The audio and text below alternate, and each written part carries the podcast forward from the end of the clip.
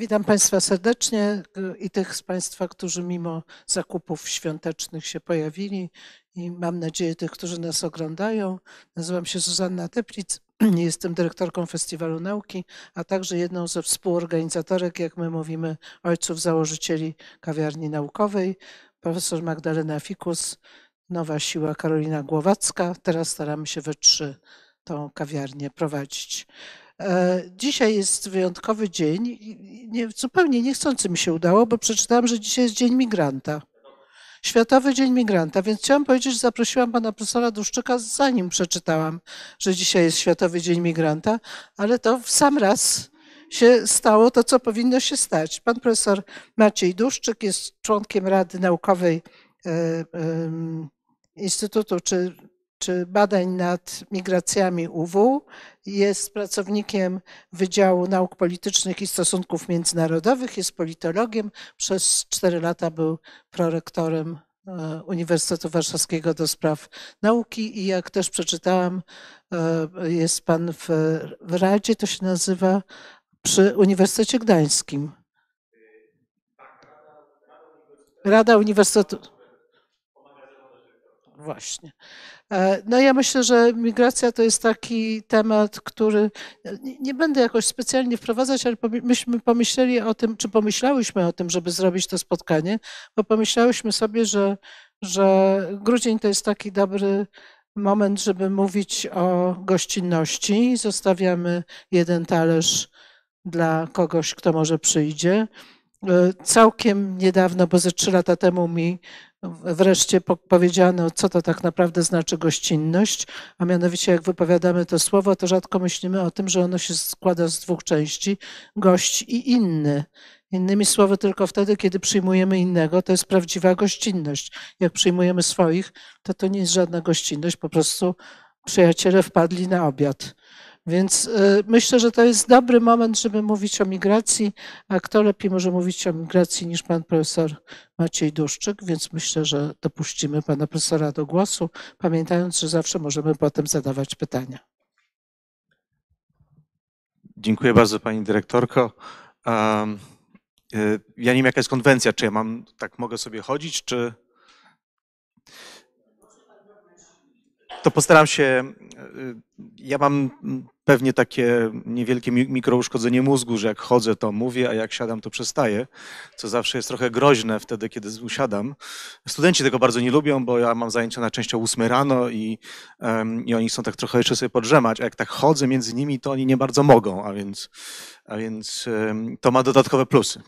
Um, po pierwsze, bardzo serdecznie dziękuję za zaproszenie w ten taki trochę magiczny czas. Ja jeszcze przed, troszkę wcześniej przyjechałem, przyszedłem się e, Nowym Światem. Jestem w ciągu dnia na Nowym Świecie, krakowskim przedmieściu i rzeczywiście wygląda niesamowicie. Lepiej chyba niż w tamtym roku. W ogóle jakoś ta końcówka roku jest lepsza niż tamta końcówka poprzedniego roku. A więc, e, a więc e, też o migracjach może trochę inaczej mówić z większym optymizmem niż to, gdybym, gdybym mówił to przed 15 października, to pewnie mój optymizm byłby mniejszy. Dzisiaj trochę wiem, może być większy, ale też nie jakiś bardzo, bardzo optymistyczny optymistyczny, e, bo stoimy przed e, gigantycznymi e, wyzwaniami związanymi z tym procesem społecznym, jakim są w ogóle mobilność i ruchliwość ludzi. I bardzo cieszę, że będę mógł z Państwem zająć tą godzinkę, pewnie troszkę dłużej, omawiając kwestie migracyjne. Ja mam tutaj 10 punktów napisane. Nie tak dużo, tak? 10 punktów, które zbieram sobie myśl różnego rodzaju o migracji, tak żeby nie było tylko i wyłącznie tak stricte naukowo, o różnych teoriach i, i procesach społecznych, z którymi mamy do czynienia z migracjami, że tak trochę powiedzieć, jak ta sytuacja trochę wygląda. Jestem bardziej też praktykiem o tym, o czym mówiła pani Zuzanna, e, o mojej aktywności naukowej. Ja byłem 9 lat urzędnikiem państwowym. Tak? Ja e, pracowałem w Urzędzie Komitetu Integracji Europejskiej, byłem odpowiedzialny za, za swobodny przepływ pracowników, osób, czyli ta migracja później poakcesyjna to trochę moja wina, można trochę rzucać kamieniami, bo ten okres przejściowy, e, który był 2 plus 3 plus 2, o którym ja dzisiaj troszeczkę powiem, to też, to też jakaś, jakaś efekt mojej pracy i zespołu zespołu, który e, negocjował wtedy członkostwo nasze w Unii Europejskiej. No chyba nawet tam się tak bardzo źle nie udało, jak widać, jak Polska rozwinęła się przez te lata. Ale tych wyzwań jest, jest, jest bardzo wiele. Tak więc ja trochę będę chciał też powiedzieć, powiedzieć tak trochę od bardzo dużej praktyki. Tak? Osoba nie tylko i wyłącznie, która tą naukę uprawia, ale również stara się ją w jakiś sposób różnego rodzaju wdrażać. Oprócz tego, że byłem przy negocjacjach, to na zaproszenie e, pana e, obecnego premiera, ówczesnego, ówczes, wtedy też premiera Donalda Tuska, byłem członkiem jego zespołu doradców, który odpowiadał właśnie za pewne przewidywanie procesów migracyjnych, które mogą się w Polsce, dzieli, e, w Polsce dziać, a później trafiłem jeszcze na chwilę do, do kancelarii pana prezydenta Komorowskiego, który też wymyślił sobie, że, że będzie taką strategię migracyjną chciał opracować w ramach takich procesów, e, takich procesów dyskusji e, ówczesnej. A więc trochę też chciałem państwu powiedzieć, jak, jak wygląda, wyglądają te procesy migracyjne na stronie takiej bardziej praktycznej, tak? co się dzieje na granicy, co się dzieje na granicy polsko-ukraińskiej, co się dzieje w Polsce, tak żeby trochę takich procesów takiej strony praktycznej wytłumaczyć. Pamiętam, jaki jest pierwszy punkt, później sobie otworzę tą kartkę, bo mogłem coś pominąć niechcący, ale, ale pierwszy punkt jest taki, mówiący o tym, że my jako ludzie nie jesteśmy specjalnie mobilni. A raczej byśmy sobie chętnie posiedzieli w miejscu, w którym jesteśmy. Przez wiele wieków nie byliśmy mobilni, no bo e, ta mobilność oznaczałaby bardzo wiele różnego rodzaju wyrzeczeń.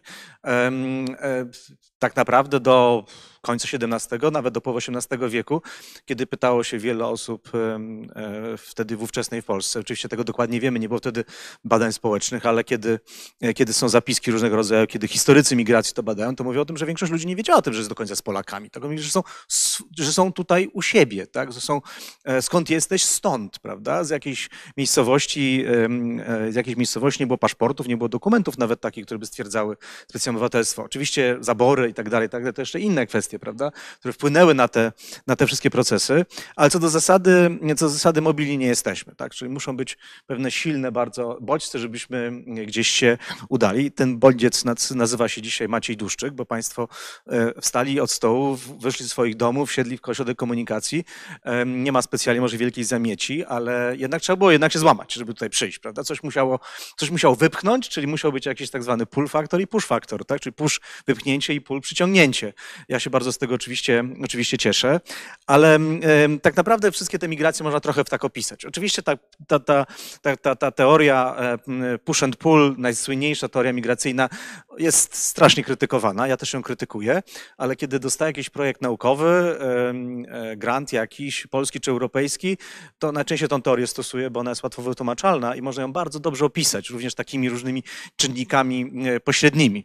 No bo mówiąc brzydko, no był ten push factor, czyli trzeba było wyjść z domu, pull factor, czyli dłuszczyk, prawda, ale były jeszcze środki inne. Były pewne alternatywa.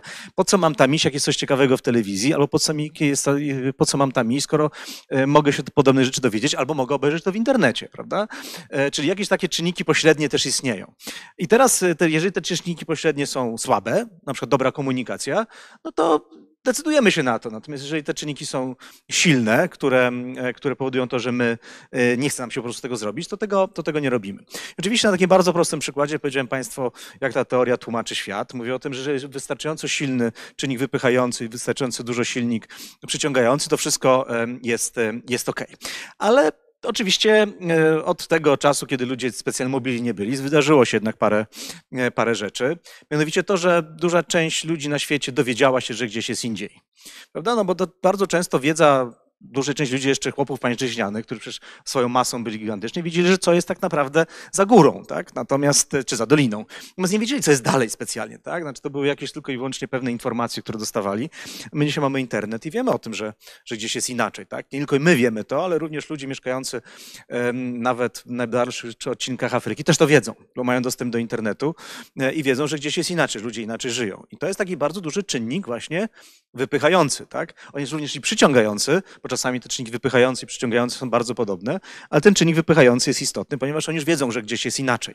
No jeszcze muszą się jakoś tam dostać, prawda? No i kiedyś, kiedy mieli wziąć karocę, jechać tą karocą, czy jakiś inny sposób, czy na piechotę, czy wozem drabiniastym, no to nie była to specjalnie dobra podróż. Natomiast dziś, jeżeli mają tanie loty, mają różne rodzaju komunikacje, co- to wcale nie jest aż tak drogie, jeżeli patrzymy sobie też na wzrost dochodów w krajach afrykańskich, no to już mamy te dwa podstawowe czynniki takie, które powstrzymywały nas, czyli brak wiedzy i środki komunikacji, już mamy je e, pewien sposób zaadresowane i wiemy o tym, że ludzie już będą mogli migrować. Więc teoria migracji nam powiedziała, jesteśmy leniuchami, Jesteśmy, tak? Ale jeżeli pojawiają się wystarczające czynniki wypychające i przyciągające i te wszystkie czynniki pośrednie, czyli ta wiedza i komunikacja są wystarczające, żebyśmy żebyśmy wyjechali, no to, to pojawia, się, pojawia się to złamanie tego naszego lenistwa i zaczynamy, zaczynamy myśleć o, o, my zaczynamy myśleć o migracjach. Nadal, kiedy spojrzymy sobie na świat, to tak sprawnie dużo ludzi nie migruje. Tak? To jest oczywiście, my jesteśmy zasypywani różnymi liczbami. Dzisiaj pewnie wszyscy Państwo, którzy otworzyli sobie informację o Światowym Dniu Migracji, dowiedzieli, że to jest, że 200 milionów ludzi mieszka poza miejscem swojego pobytu tak naprawdę. No dobra, ale mamy 8 miliardów ludzi to 200 milionów to wcale nie jest tak dużo. Prawda? No bo to jest tak naprawdę e, no, 2, może 2,5%, kiedy, kiedy spojrzymy sobie na, e, na, te, na, na te procesy. Czyli te migracje, mimo tego, że my zniżyjemy nimi, to one jednak nie są aż tak masowe, jakby nam się, jak, jakby nam się e, wydawało. Bardzo często też patrzymy sobie na perspektywę Ukrainy. Tak? Mówimy o uchodźcach wojennych z Ukrainy, o tych gigantycznych przesiedleniach. Wiecie Państwo, ale to 4 miliony ludzi się przemieszczyło. Tak? 4 miliony. Kiedy weźmiemy sobie 8 miliardów, nawet weźmiemy sobie 550 milionów, które mieszka w Unii Europejskiej, to nie są jakieś duże procesy migracyjne.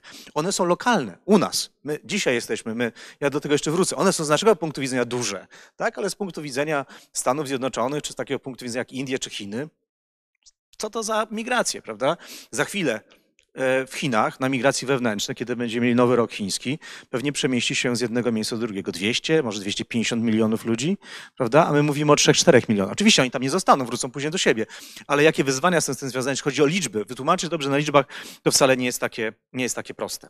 Więc teorie migracyjne mówią nam to, mówią nam to, e, mówią nam to, że mamy do czynienia, e, mamy do czynienia e, z, z właśnie z tymi czynnikami wy- wypychającymi, przyciągającymi, które decydują o tym, czy ludzie migrują, czy nie, ale nadal migracje na świecie nie są masowe. Natomiast e, trochę rzucając się na nasze podwórko, to musimy sobie powiedzieć parę zdań o Unii Europejskiej. No my jesteśmy wyjątkiem. Tak? Ja w ogóle generalnie Polska, jak pokażę Państwu kilka, na kilku przykładach, Polska jest wyjątkowa. My lubimy być wyjątkowi, prawda? Nawet kiedy ambasador e, Stanów Zjednoczonych e, e, Mark Brzeziński mówi o tym, że jesteśmy takim humanitarian superpower, prawda? Bo ze względu na pomoc uchodźcom wojennym z Ukrainy. No się cieszymy z tego, prawda? No Amerykanie nas dostrzegają, mówią, że jesteśmy jakiś superhero, no to w ogóle wszystko cudownie, prawda? Ale pokażę Państwu, że tak naprawdę to takie słowo trochę może na wyrost, tak? Że, żeby, żeby, żeby tak nas traktować, ale lubimy to. No. Lubimy być wyjątkowi, lubimy o tym, jak, to, jak inni o nas, jak my też sobie dobrze mówimy, też, jest, też, też to lubimy. Mało jest oczywiście narodów czy państw, które tego nie lubią, ale my robimy to z szczególną e, lubością, tak? E, kiedy ktoś coś o nas dobrego, e, dobrego powie. Ale jesteśmy wyjątkowi.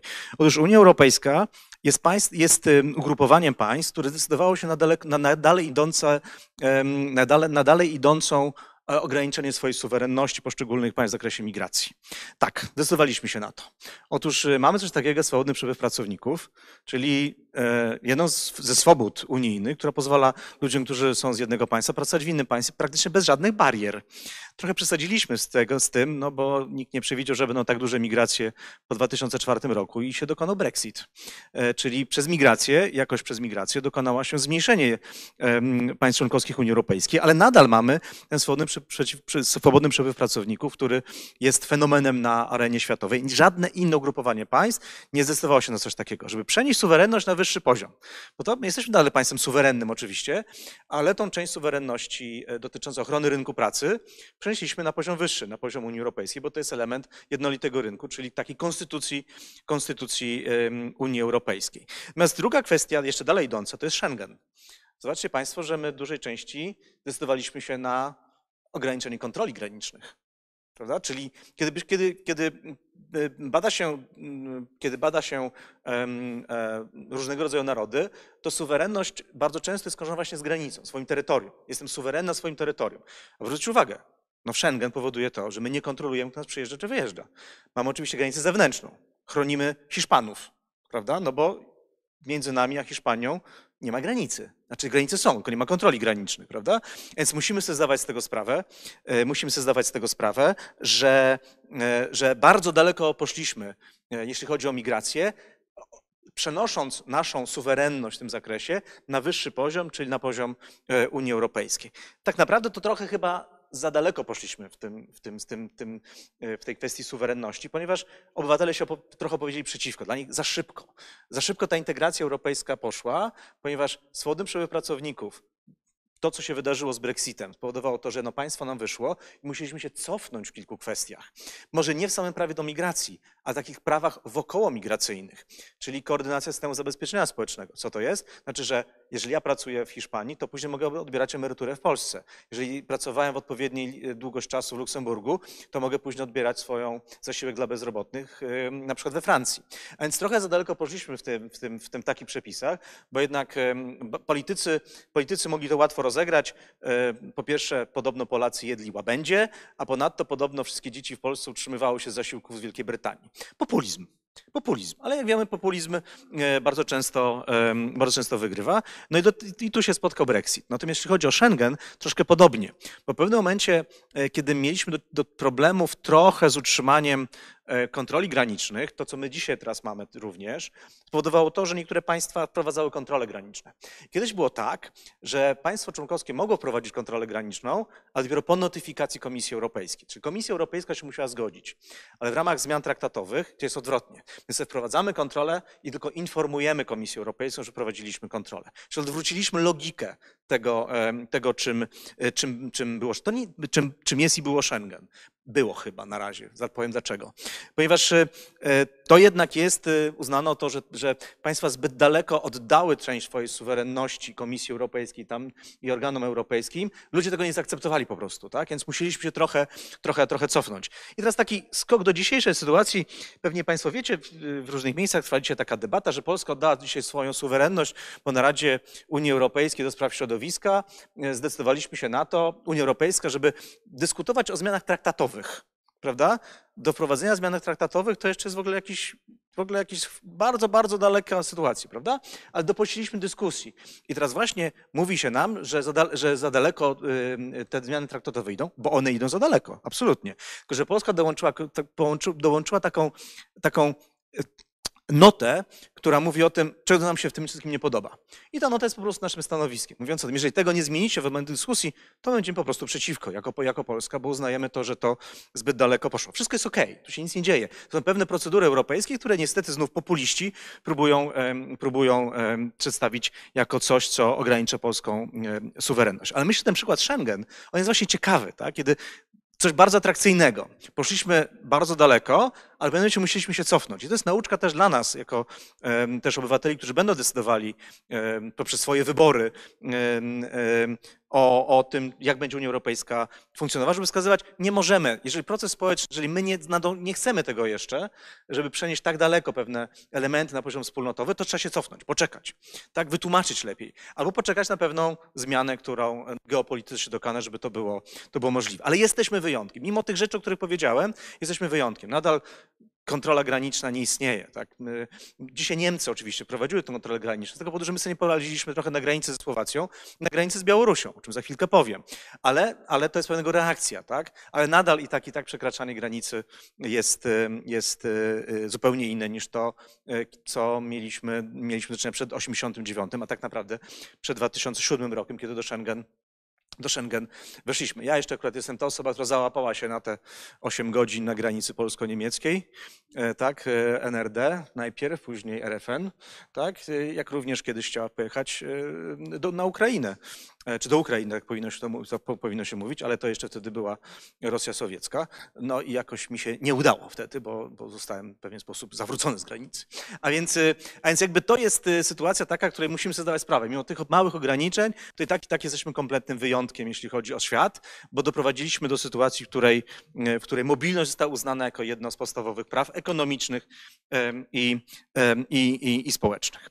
I teraz kolejny punkt, który, który chciałbym Państwu powiedzieć, to tak schodząc od dużej teorii poprzez Unię Europejską do Polski. Otóż, kiedy ja zaczynałem swoją przygodę z migracjami, to większość ludzi mówiła mi, wiesz co, będzie zajmował się strasznie smutnym tematem. Mówię, dlaczego? Bo będzie zajmował się ludźmi, którzy uciekają z Polski, wyjeżdżają. Tak? E, Mówię, no, no rzeczywiście, jest to jakiś tam, jest to jakiś tam e, e, problem, no bo jednak emigracja to nigdy nie jest coś strasznie przyjemnego, kiedy ludzie muszą wyjeżdżać z swojego państwa, szukając lepszej przyszłości, w innym. Ale za, w czasie między tak mniej więcej habilitacją a profesurą uczelnianą, od razu zastrzegam, okazało się tak, że Polska zmieniła swój status. Z Polska typowo emigracyjnego imigracyjnym. Ja zacząłem zajmować się typowo czysto emigracją, a teraz zajmuję się czysto imigracją. Czy w przeciągu tak naprawdę krótkiej kariery naukowej państwo zmieniło się kompletnie. Ja zastanowiłem się, kurczę, był jakiś taki przykład w Polsce, no i znowu jesteśmy wyjątkowi. Nie ma takiego państwa, które tak szybko zmieniło swój status z państwa typowo emigracyjnego państwo typowo imigracyjne. Oczywiście Władimir Putin nam tym wszystkim pomógł, ale jednak i tak, i tak, e, i tak, i tak e, to jest pewnego rodzaju również fenomen ekonomiczny, bo liczba migrantów, którzy pracują w Polsce, od więcej od pięciu lat co roku wzrastała o 100%. Tak, co roku 100%, co roku 100%, co roku 100%. Dzisiaj, dzisiaj nawet taką chwilkę debaty mieliśmy, ile tych cudzoziemców w Polsce mieszka i muszę odpowiedzieć, nie wiemy. Nie wiemy, ile jest w Polsce. Bo mamy oczywiście otwarte granice, mogą jechać gdzie indziej. Szacujemy. Mój szacunek mówi o tym, że jest to mniej więcej między 2,8 a 3 miliony ludzi. Czyli około 8% polskiego społeczeństwa. To jest taki liczba, taka liczba imigrantów. I przekształciliśmy się w państwo imigracyjne. Byliśmy państwem typowo emigracyjnym, gdzie z Polski się wyjeżdżało, staliśmy się państwem imigracyjnym, gdzie do Polski się po prostu przyjeżdża. Albo chociażby tranzytem przez jakiś czas się przybywa i idzie się do innego państwa. Ale coraz więcej ludzi z nami zostaje. No widzimy to, wystarczy, że przejść warszawskimi ulicami, zobaczymy, że tych migrantów jest po prostu sporo i oni nie są na chwilę, bo widzimy, co robią. Tak? To nie jest tak, że to są turyści, którzy wpadli na chwilkę. Tak? Oni raczej tutaj już myślą, w jaki sposób tutaj przez na pewno kilka miesięcy, a może kilkanaście miesięcy przebywać. Mogą też zarabiać na kolejny skok, ponieważ e, migracje te z Afryki czy z Bliskiego Wschodu, one odbywają się na zasadzie skoków. Tak? To nie jest tak, że ktoś wsiada e, w Senegalu i za dwa dni jest na Lampedusie, a za pięć dni w Berlinie. Nie. To trwa od kilkunastu miesięcy do kilku lat nawet, bo ci ludzie muszą zarabiać, tak? Robią pierwszy skok, zarabiają, drugi skok, zarabiają i tak robią takie skoki, kiedy dostają się do Europy. Na szczęście, nie wiem czy na szczęście, ale realia są takie, chyba na szczęście, że mniej więcej 90% z nich zostaje w państw bardzo blisko swojego miejsca pochodzenia. Nie, nie dociera do Europy, tak? Bo dociera do Europy może kilkaset tysięcy rocznie osób, tak? Z tych 200 milionów, które gdzieś w różnych miejscach, w różnych miejscach są, prawda? A więc oni zostają, znaczy nie robią dalszych skoków. To nie znaczy, że tego skoku nie planują, ale to skok nie jest taki oczywisty, e, w oczywistych ich przypadków, ale to nie zmienia tej naszej percepcji, że jesteśmy państwem imigracyjnym z około 3 milionową społecznością cudzoziemców, a jeszcze 10 lat temu tych cudzoziemców w Polsce szacowaliśmy na 200 tysięcy. Tak, czyli zobaczmy, jak bardzo mocno się, e, jak bardzo mocno się zmieniliśmy, jak bardzo musimy się teraz w pewien sposób dostosować e, do pewnych wyzwań, z którymi są tym związane. O tych wyzwaniach będę oczywiście, oczywiście jeszcze mówił. Ale taka dzisiejsza sytuacja, tak, Polska jest krajem migracyjnym, co nie znaczy, że nikt od nas nie wyjeżdża.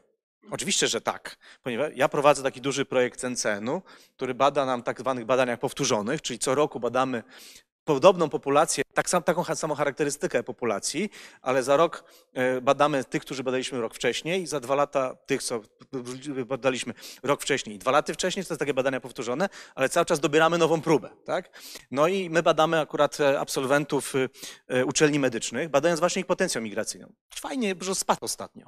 Tak, ale nadal jedna trzecia z nich mówi o tym, że jest prawie zdecydowana na wyjazd, a kolejna jedna trzecia mówi o tym, nie wykluczam tego. Fajnie, że rośnie nam ta liczba jedna trzecia, która mówi o tym, że na pewno nie wyjadę, tak? bo w ogóle mnie to nie interesuje. I to jest fajnie, bo coraz większa ta liczba te, tak, te osób, które mówią, nie chcę wyjechać, nam rośnie, ale nadal musimy pamiętać, że jedna trzecia mówi o tym, prawie jestem spakowany albo spakowana, prawda? A więc to jest też, też się tym troszeczkę zajmujemy, ale to jest trochę inna specyfika, to jest bardzo specyficzna kategoria migranta, tak? Wszystko wykształcone, z uznawaniem kwalifikacji wszędzie, straszna konkurencja o nich i tak dalej, i tak dalej. To jest trochę inna specyfika, ale, ale to też nie chcę powiedzieć, że w ogóle już jesteśmy tylko i wyłącznie państwem migracyjnym, le- mlekiem młodym płynącym, którzy za chwilę wszyscy tutaj będą do nas walić drzwiami i oknami. Nie, tak nie jest. Również Polacy wyjeżdżają, ale również ludzie z Zachodu przyjeżdżają do Polski, bo jesteśmy krajem bezpiecznym, generalnie nie ma problemów jeszcze z, konsekwencjami ocieplenia klimatu i tak dalej, tak dalej. A więc mamy, mamy różnych kilka przewag, że nie tylko i wyłącznie migranci ekonomiczni, ale również migranci z bardziej zasobnym portfelem do nas zaczynają e, przyjeżdżać. A więc tak, jesteśmy państwem, jesteśmy państwem już e, imigracyjnym. Oczywiście pytanie, czy jak długo będziemy? Pewnie będziemy, bo nie ma, ni- nic się nie zapowiada, żebyśmy, żebyśmy e, przestali. Natomiast e, e, mm, oprócz tego, że narysowałem taki w miarę pozytywny obraz Polski jako państwa e, migracyjnego, bo gdzieś on tak mniej więcej wygląda, e, to musimy, nie możemy zapominać o kilku innych aspektach. Punkt czwarty to tak zwane migracje nieudokumentowane, czyli to, z czym mamy do czynienia na granicy z Białorusią i odpowiedź, dlaczego nie poradziliśmy sobie nie poradziliśmy sobie na granicy z Białorusią, ponieważ ten kryzys trwa mniej więcej od lipca 2021 roku i ma tak zwany, jest tak zwanym kryzysem ciągnionym, czyli e, codziennie z różną intensywnością nasza granica e, jest pod presją migracyjną e, i jest to presja raz większa, raz mniejsza, ale presja sterowana politycznie, czyli naj, najgorzej kontrolowana. Bo nie mamy tylko i wyłącznie przemytników po drugiej stronie, ale mamy całe państwo, które używa polityki migracyjnej po to, żeby nas chcieć zdestabilizować. Nie wiem, czy Państwo słyszeli o case'ie fińskim ostatnio. Tak? Finlandia pod taką presją stanęła, prawda? Ja się nawet, wiecie Państwo, tak nie, nagrywane jest trudno, ale popowiem, ja się nawet troszkę ucieszyłem. Dlaczego? Ponieważ nagle sobie natychmiast sobie wyobraziłem, mówię, dobrze, mamy po, sobie, po swojej stronie, mamy po swojej stronie Litwinów, mamy Łotyszy, mamy Estończyków, super, tak? Pan prezydent dzisiaj był w Estonii, pan premier miał jechać wczoraj, ale pani premier zachorowała e, na COVID i ten spotkanie się nie odbyło. Bardzo ważne, czy utrzymywać te kontakty, ale mamy jeszcze teraz już Finów, o, prawda? No 1340 kilometrów granicy z Rosją. No jest potencjał do presji migracyjnej, prawda? I on natychmiast, natychmiast Finowie się wystraszyli. Ja y, przez chwilę byłem bardzo popularny w Finlandii jako komentator, e, bo tłumaczyłem im, na czym polega Białoruś. A więc jesteśmy pod tą presją i z tym sobie kompletnie nie poradziliśmy, ponieważ ten, ten, ten, ten, ta presja cały czas, cały czas trwa, bo codziennie ta granica polska jakoś jest pod presją, jakoś jest forsowana. W ostatnich dniach nie ma dużo tych ludzi, ale, ale kilka osób przechodzi naszą granicę. My jej strzeżemy na dwa różne sposoby. Po pierwsze, nie dopuszczamy, żeby ludzie przekraczali granicę, ale ci, którzy przekraczają, są wydalani na terytorium Białorusi z powrotem. Nadal my uznajemy jako państwo bezpieczne i strasznie trudno sobie z tym problemem em, e, poradzić. Zobaczcie Państwo trochę tą jakby tą sytuację, z którą mamy do czynienia, bo my się często koncentrujemy na, na sytuacji, w której co możemy zrobić, tak? Znaczy, jak odpowiedzieć na tą presję migracyjną, jak, jak, jak to człowieczeństwo połączyć z bezpieczeństwem. No bo nie chcemy, żeby nasza granica była forsowana w sposób nielegalny przez dziesiątki czy setki osób, które później gdzieś przechodzą. My ich nie jesteśmy w stanie wszystkich przecież e, namierzyć. To jest jednak puszcza. Jacyś przemytnicy ich przejmują, zawożą do Niemiec. Niemcy się wkurzają, bo my jesteśmy państwem bezpiecznym. No jakaś taka sytuacja, która nie jest dobra. Tak? Znaczy, czujemy to, że ta sytuacja nie jest dobra i musimy sobie, sobie z nią jakoś poradzić. To oczywiście główne pytanie, główne pytanie o, o, e, o, o naszą granicę i naszą zaporę. Zapora jest źle zbudowana, bo jest zbyt blisko zbudowana e, Białorusi, więc my nie możemy żadnych działań prowadzić po, po drugiej stronie muru. Prawda? Bo jeżeli jeżeli przyjeżdżają, najczęściej służby, służby białoruskie, które rzucają w, w strażników granicznych kamieniami, czy różnymi konarami, czy, czy jakoś tam ich atakują, to my stoimy za tym murem, prawda? Znaczy czujemy się jakoś bezpiecznie, ale nie możemy nic tym zrobić. Bo jakbyśmy wyszli za mur, to jesteśmy na terytorium Białorusi. A jeżeli tery- no jesteśmy na terytorium Białorusi, bo jest oczywiście metr, półtora metra, dwa metry, no ciężko powiedzieć, że na dwóch metrach można cokolwiek zrobić, prawda? A więc to jest sytuacja taka, w której po prostu nasi strażnicy, gdyby tam przeszli, próbując zatrzymać te osoby, które ich atakują, mogliby nawet zostać zastrzeleni, tak? Bo w tym momencie zostałoby to uznane jako wejście na terytorium Białorusi, prawda? Czy w obwodzie kaliningradzkim, e, królewieckim e, Rosji, prawda? A więc jest sytuacja prawie bez wyjścia. Znaczy, no, nie, jest, nie jest tak, że można ją bardzo łatwo, e, bardzo łatwo rozwiązać, ponieważ my też nie jesteśmy przygotowani jakby na przyjęcie, mówiąc, mówiąc wszystkich, tak? Angela Merkel się trochę na tym przejechała. Dla nas wszyscy to nie jest milion, jak w przypadku Syryjczyków y, w Niemczech przez półtora roku. Tylko dla nas to pewnie jest kilka tysięcy, bo taką mamy wyporność w ośrodkach dla cudzoziemców, wyporność dotycząca zdolności całego naszej administracji, która by mogła obrabiać te wnioski i tak dalej, i tak dalej. A wiemy o tym, że tych ludzi po prostu może być więcej i tutaj nie ma dobrego rozwiązania. Rozwiązaniem oczywiście jest długofalowe, możemy je systemowe, kiedy byśmy próbowali odciąć ten kanał migracyjny najbliżej jak on jest, żeby ci ludzie nie znajdowali się, nie znajdowali się na terytorium Białorusi, blisko przymur, przymurze, ponieważ jeżeli oni są z Senegalu, z Ivory Coast czy, czy z jakiegoś innego miejsca, to przynajmniej nie wrócą do siebie. Będą próbowali tyle razy, aż przejdą Jeżeli nie tutaj, to w Finlandii. Jak nie w Finlandii, to na Łotwie. Jak przejdą na Łotwie, to jak muszą przejechać przez Polskę. No nie ma innej drogi, przez Ukrainę nie przejdą. Prawda? A więc jakby wiadomo jest, wiadomo jest, że to jest nasz taki trochę dzisiaj regionalny, regionalne wyzwanie, z którym musimy sobie jakoś poradzić, a do końca nie wiemy, nie, nie mamy dobrych instrumentów, żeby sobie z tym, żeby z tym sobie robić. Podstawowe jest to, żeby jednak myśleć o bezpieczeństwie naszej granicy, nie dać się prowokować, ale jednak te elementy człowieczeństwa są. Nie można, nie wyobrażam sobie, że wyrzucimy osobę, która zamarza na, w, Puszczy Białowieskiej z powrotem na Białoruś, bo umrze. Prawda? Nie, może, nie mogę wyobrazić, że wyrzucimy kobiety z dziećmi, ale wyobrażam sobie, że siłowo będziemy kontrolować granicę, żeby nie pozwalać przechodzić przez nią. Tak, bo mamy do tego prawo jako państwo, ale mamy również obowiązek jako państwo Schengen. Gdzie jest ten najlepsze rozwiązanie? Ja tego nie wiem. Ja tego nie wiem. Szukamy tego najlepszego rozwiązania po to, żeby, żeby to, to człowieczeństwo z bezpieczeństwem jakoś, jakoś połączyć. Proszę zwrócić uwagę, że nikomu się to nie udało. Ani Amerykanom, tak? Nie udało się to y, Finom, bo zamknęli ponownie swoje granice. Na 8 godzin otworzyli. Natychmiast Rosjanie dostarczyli imigrantów. Prawda? Musieli znowu zamknąć, prawda? A więc, a więc, y, a więc też nie, nie, nie poradzili sobie z tym wyzwaniem, prawda? Nie ma dobrego przykładu. Szukamy tego rozwiązania. Dlatego nawet ucieszyłem się jak ci Finowie, bo nagle pojawia się nowe, nowe państwo, silne państwo, dobrze zorganizowane, z dobrymi zasadami, e, które wchodzi do klubu. Tak? W jaki sposób rozwiązać również po stronie, po stronie Unii Europejskiej. Tych rozwiązań jest sporo, e, dotyczące sankcji, deportacji, dotyczące współpracy z państwami tranzytu. Nie będę tego wszystkiego mówił i te, takich rozwiązań jest kilkanaście. Korzone są po stronie Unii Europejskiej głównie, bo na przykład mamy wspólną politykę handlową. Nie możemy sami jakichś sankcji handlowych prowadzić, bo to jest Unia Europejska, prawda? Więc musimy, musimy też na tym poziomie wspólnotowym e, sobie radzić. A więc nie udało nam się rozwiązać kwestii białoruskiej i cały czas jesteśmy pod presją. To, że jesteśmy pod presją, czyli, czyli na razie tą wojnę, nie chcę powiedzieć, że przegrywamy, ale naprawdę nie wygrywamy. Bo cały czas musimy się tym zajmować, cały czas jest ta presja, cały czas 4 tysiące żołnierzy, 2,5 tysiąca strażników granicznych tam chodzi, wiemy, wiemy, wiemy o tym, że ten kryzys humanitarny tam, tam się dzieje. A najgorzej, że mamy konflikt między strażnikami granicznymi aktywistami w tamtym regionie i on musi się skończyć. I on musi się skończyć, musi być jakiś kompromis też tam zawarty, tak, między poszczególnymi grupami, żeby na przykład e, e, odwrócić natychmiast karanie za pomaganie, bo to jest w państwie demokratycznym, tak jak Polska, e, nie do zaakceptowania. Natomiast jeżeli spojrzymy sobie na drugi aspekt, to ten humanitarian superpower. To było niesamowite. Każdy z nas pamięta luty 2022 roku.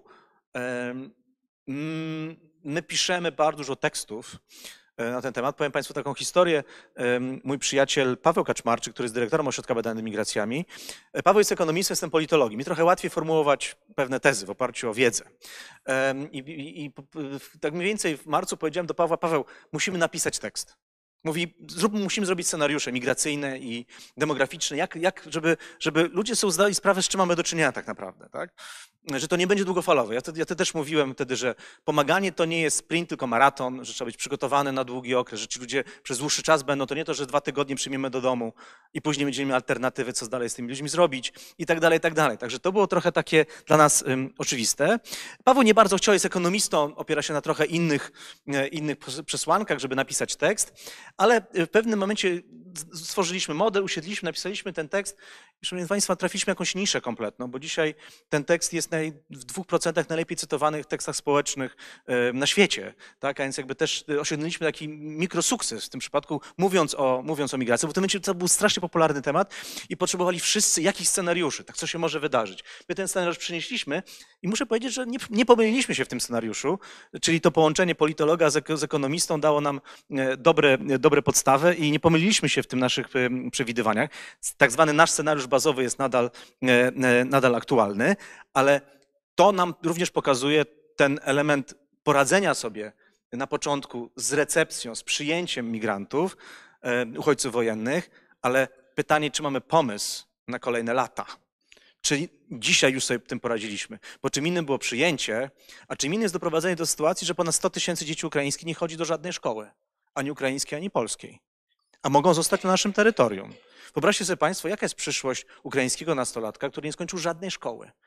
Nie ma nawet wykształcenia podstawowego.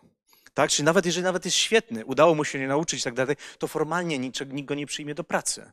Prawda? On nie może pójść dalej do szkoły, bo nie ma formalnej edukacji, prawda? Czyli ten, ten już jest pewna skaza na tym humanitarian superpower. Nazywa się ta skara um, Przemysław Czarnek, e, który nie umiał tego zrobić po prostu. Zainteresował tylko i wyłącznie tymi osobami, które, e, tymi dzieciakami, które chodzą do polskiej szkoły.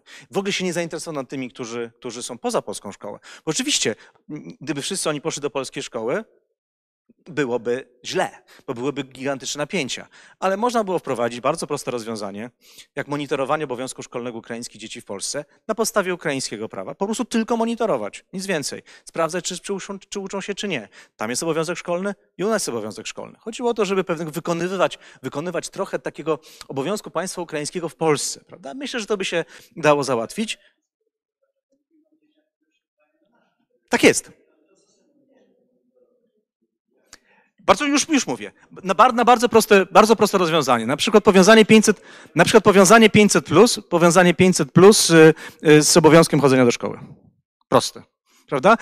Duże miasta, tam gdzie oni byli, stworzyły specjalne miejsca. Specjalne miejsca, których y, były plazmy, było łącz, była, ścieżka, była, była ścieżka, była e, szybkie łącze internetowe.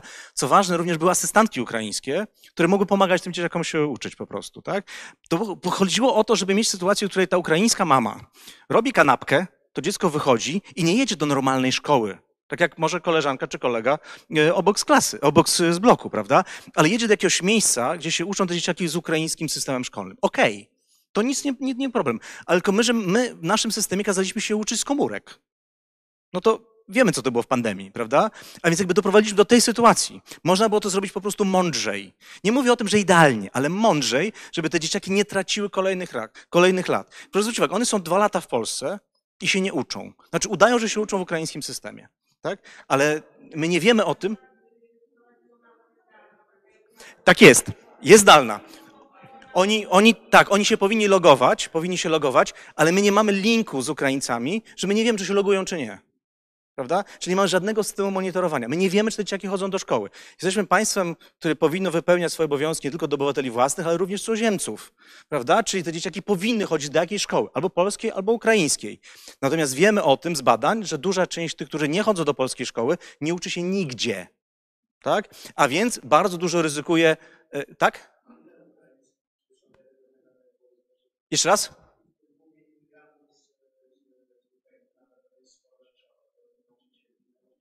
Tak jest, tylko że znów.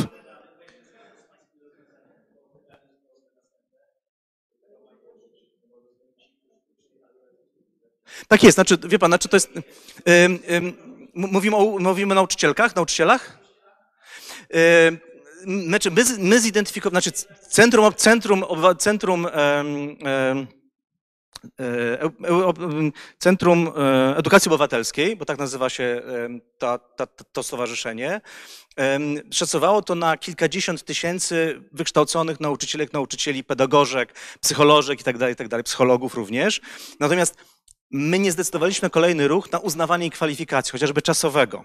A więc głównie kobiety mogły być asystentkami w polskich szkołach, i one rzeczywiście trochę dobrej roboty zrobiły. Ale tak samo te asystentki mogły pracować w tych centrach otwartych przez duże miasta i pomagać tym dzieciakom uczyć się zdalnie. Chodzi o to wyjście do szkoły. Wiecie Państwo, to jest również problem ze społecznością wojenną, a więc e, ze społecznością, która e, ma różnego rodzaju traumy. Prawda? To są często rozbite rodziny. E, dochodzi do przemocy dochodzi do różnych problemów. Jeżeli te dzieciaki nie idą do szkoły, że tego filtra, która wyłapuje tego typu sytuacje, to jest to problem, prawda? A więc naprawdę mamy dzisiaj istotne wyzwanie, w jaki sposób te dzieciaki, które są w Polsce, a które nie uczą się w polskich szkołach, wdłożyć do systemu. To nie jest problem sześciolatkiem, siedmiolatkiem, dziesięciolatkiem nawet, ale czternastolatkiem już tak, prawda? Y, y, y, wie pan, nie wiem, tak? Znaczy, ale y, ja, y, y,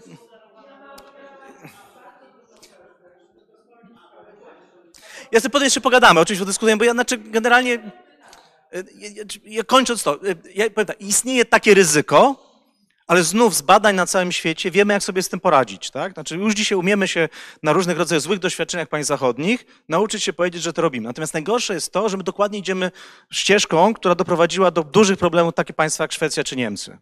My, I naszym rolą jest przerwać to. Powiedzieć o tym, że tak się nie da, bo to jest zbyt dużo wyzwań, które jest z tym związane. A więc chcę powiedzieć, polskie społeczeństwo, polski rząd również ówczesny, samorządy, zrobiliśmy, organizm pozarządowy, zrobiliśmy niesamowitą robotę. Tylko, że to nie jest sprint, a maraton.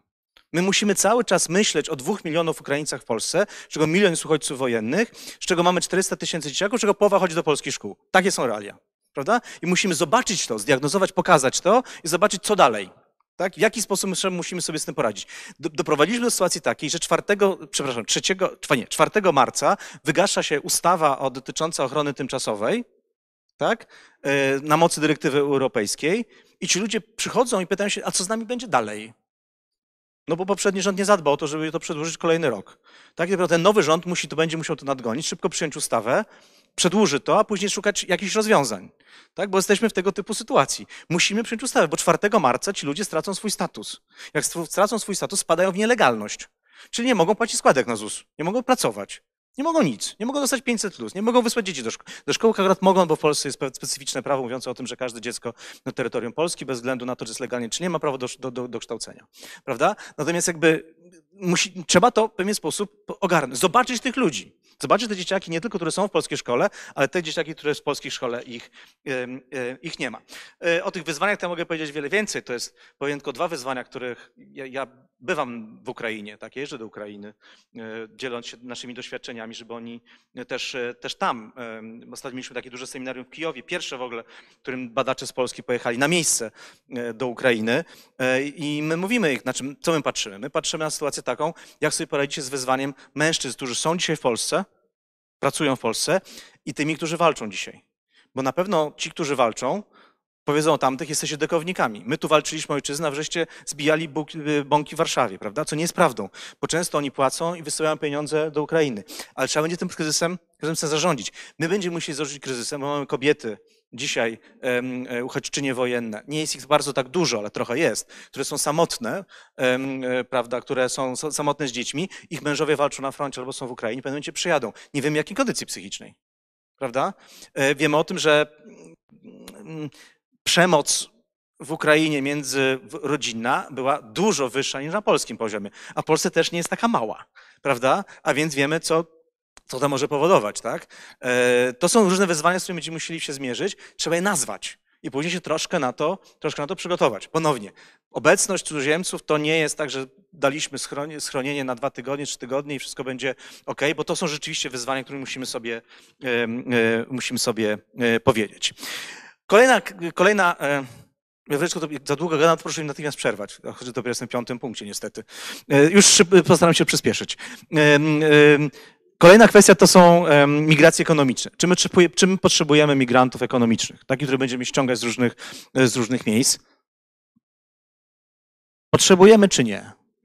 Tak. A ja powiem, jak Państwo mi powiecie, jaki model gospodarki chcemy mieć w Polsce za 10 lat, to Wam powiem o tym, czy potrzebujemy, czy nie. Bo jak potrzebujemy ten, który produkuje samochody, lodówki, pralki i taki sprzęt, taki średnio przetworzony, to potrzebujemy. A jeżeli mamy jakiś pomysł na to, żeby jednak oprzeć się bardziej na wysokich technologiach, to potrzebujemy dużo mniej. Ponieważ zawsze, trochę jak zawsze o tym mówię, to moi przyjaciele, koleżanki, koledzy e, o migracji i mówią o tym, że nie, nie mów tak, bo to nas trochę zmniejsza naszą pozycję. Bo ja następujący sposób mówię. Polityka migracyjna jest służebna do polityki gospodarczej. Powiedzcie mi, jaka chcecie politykę gospodarczą, to my powiemy, jakich instrumentów polityki migracyjnej użyć, żeby zapewnić e, zapełnienie niedoborów rynku pracy, ale również jakich migrantów potrzebujemy. Też próbowałem to ostatnio też w pewien sposób tłumaczyć, mówiąc, dlaczego Polska nie, nie, nie, nie chce ściągać pracowników wysoko wykwalifikowanych. Ale do jakich sektorów? Prawda? My możemy ich ściągać, ale gdzie oni pójdą do pracy? Przy my nie mamy kupę rynku takiego kreatywnego, prawda?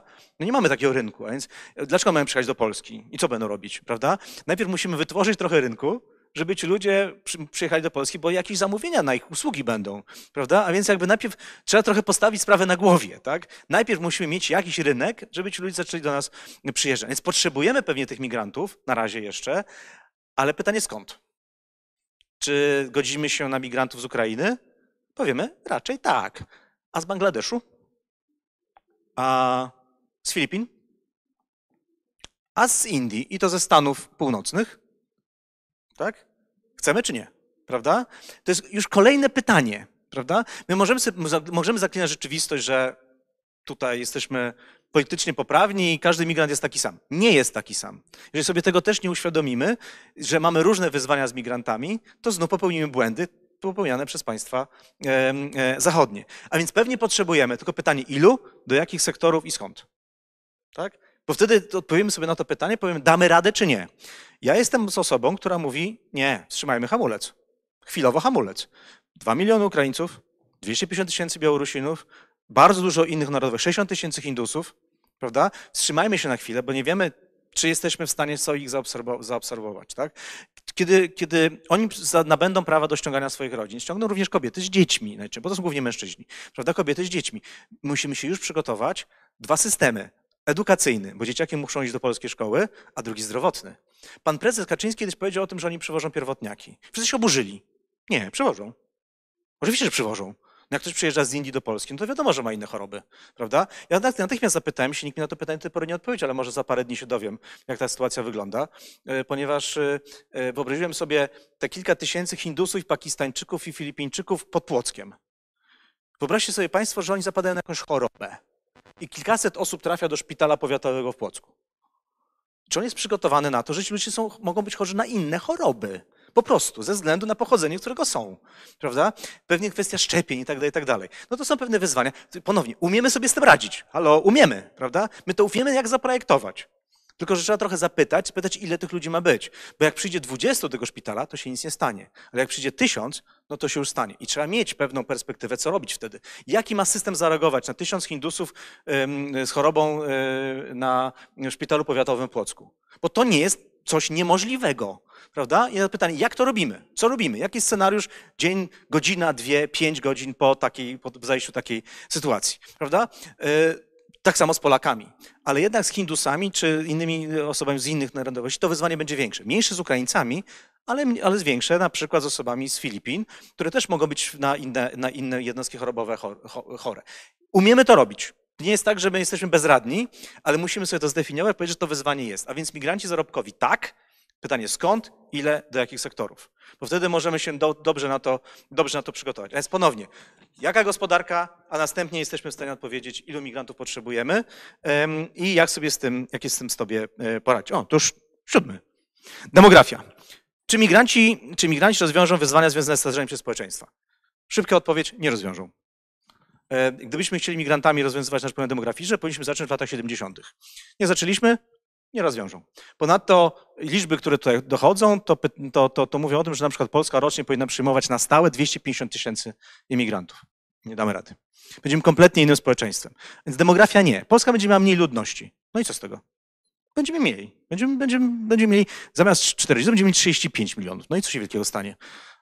Większość państw będzie tak samo, czyli głosowanie w Radzie Unii Europejskiej będzie dokładnie takie samo, bo tam jest degresywna proporcjonalność i będzie dokładnie tak samo, prawda?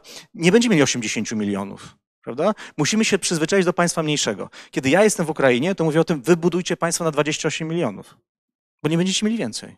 Jeżeli zbudujecie państwo, chcecie odbudować państwo na 35 milionów, to popełnicie błąd, bo nie będzie 35 milionów. Budujcie na 28. Jak będziecie mieli 30, to sobie poradzicie. Będziecie mieli 26, też sobie poradzicie. Ale jak założycie państwo na 40 milionów, to nie. To po prostu jest to niemożliwe, tak? Dzisiaj, żebyście odzyskali zdolność takiego państwa Ukrainy na 40 milionów. Bo gdybyście chcieli to zrobić, to byście, musielibyście w ciągu 5 lat ściągnąć 12 milionów migrantów. Nie dacie rady, po prostu, tak? Trzeba też umiejętnie posługiwać się liczbami, procesami społecznymi, które są. A więc demografia, jeżeli ja słyszę o tym, że, że migranci rozwiążą problemy demograficzne starzenia się społeczeństwa, nie rozwiążą tak, tak symbolicznie, prawda? Mogą nam zwiększyć zdolność do przyjmowania osób e, w naszych gospodarstwach domowych, kiedy mamy pomoc domową, prawda, dla osób starszych. E, mogą udrażnić nam systemy e, takie szpitalno-opiekuńcze, prawda? Mogą troszeczkę, ale to nie to, że nagle będziemy mieli dokładnie taką samą liczbę ludności, jak mieliśmy na przykład 10 lat temu, bo tak po prostu, bo tak po prostu nie będzie. Ponadto dzietność w drugim pokoleniu migrantek jest dokładnie taka sama jak państwa przyjmującego. Chyba, że jakieś zachodzą inne, inne, inne wzorce, ale praktycznie one nie zachodzą. Tak? To widzimy na przykład w Afryce. Tak? W Afryce e, wiecie Państwo doskonale, że tam na wskaźnik dzietności leci łeb na szyję ostatnie 20 latach, 20 latach. W Tunezji on spadł do prawie 2. Tak? Tunezja dzisiaj jest państwem, które wskaźnik dzietności jest na poziomie e, Polski sprzed 15 lat. Tak to wszystko zasuwa. Mamy jeszcze takie państwa jak na przykład Nigeria, gdzie się trzyma te 5, tak?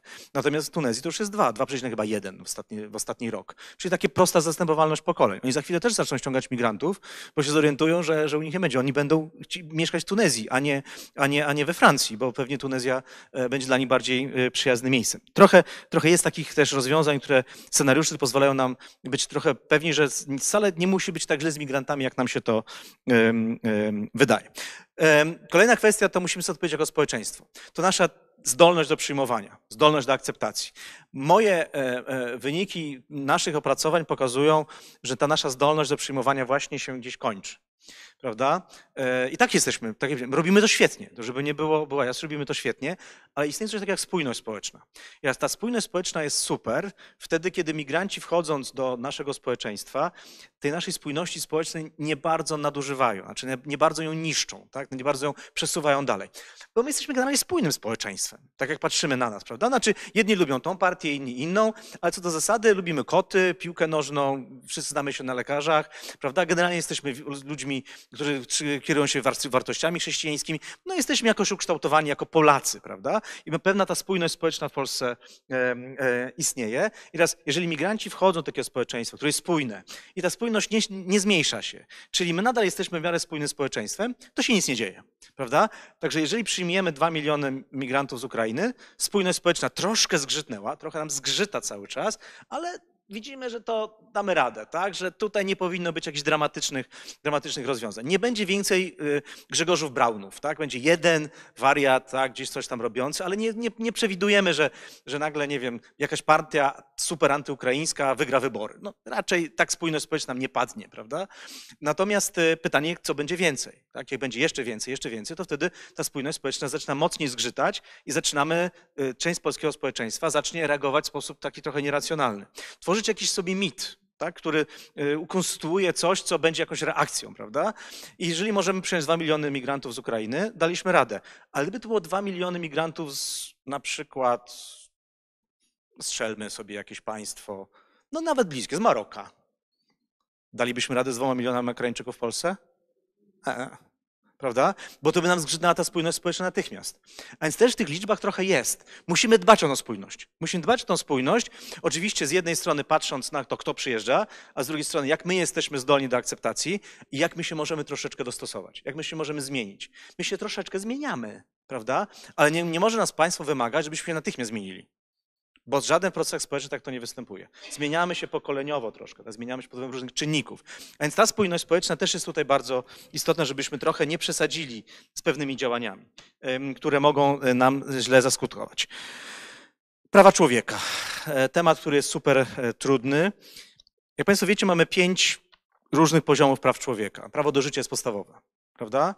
Ale już prawo dotyczące, nie wiem, prawa socjalne są na tym trzecim poziomie, tak? Tak, prawa do wolności osobistej typu poglądów to jest drugie poziom. Mam pięć poziomów praw człowieka.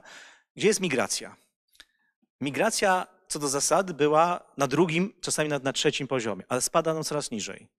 Mówiąc o tym, że migracja przestaje być prawem człowieka. Ona jest prawem człowieka u nas. Znaczy my mamy to prawo człowieka bardzo głęboko za, zagwarantowane, bo nie tylko że możemy migrować po Polsce, ale możemy migrować do wszystkich innych państw. Paszport polski jest na dziesiątym miejscu pod względem atrakcyjności, tak? bo jesteśmy państwem bez, niekolonialnym, nie mamy, nie mamy złej historii. W ogóle jesteśmy fajni, prawda? Dlatego wszystkie ludzie, y, jak większość państwa uznaje, że jest ci fajni, to mogą do nas przyjeżdżać. Mają kasę, prawda? Czyli, z- czy polski paszport y, nie, na przykład nie wymaga wiz, prawda? Stany Zjednoczone, tak, tak, prawda?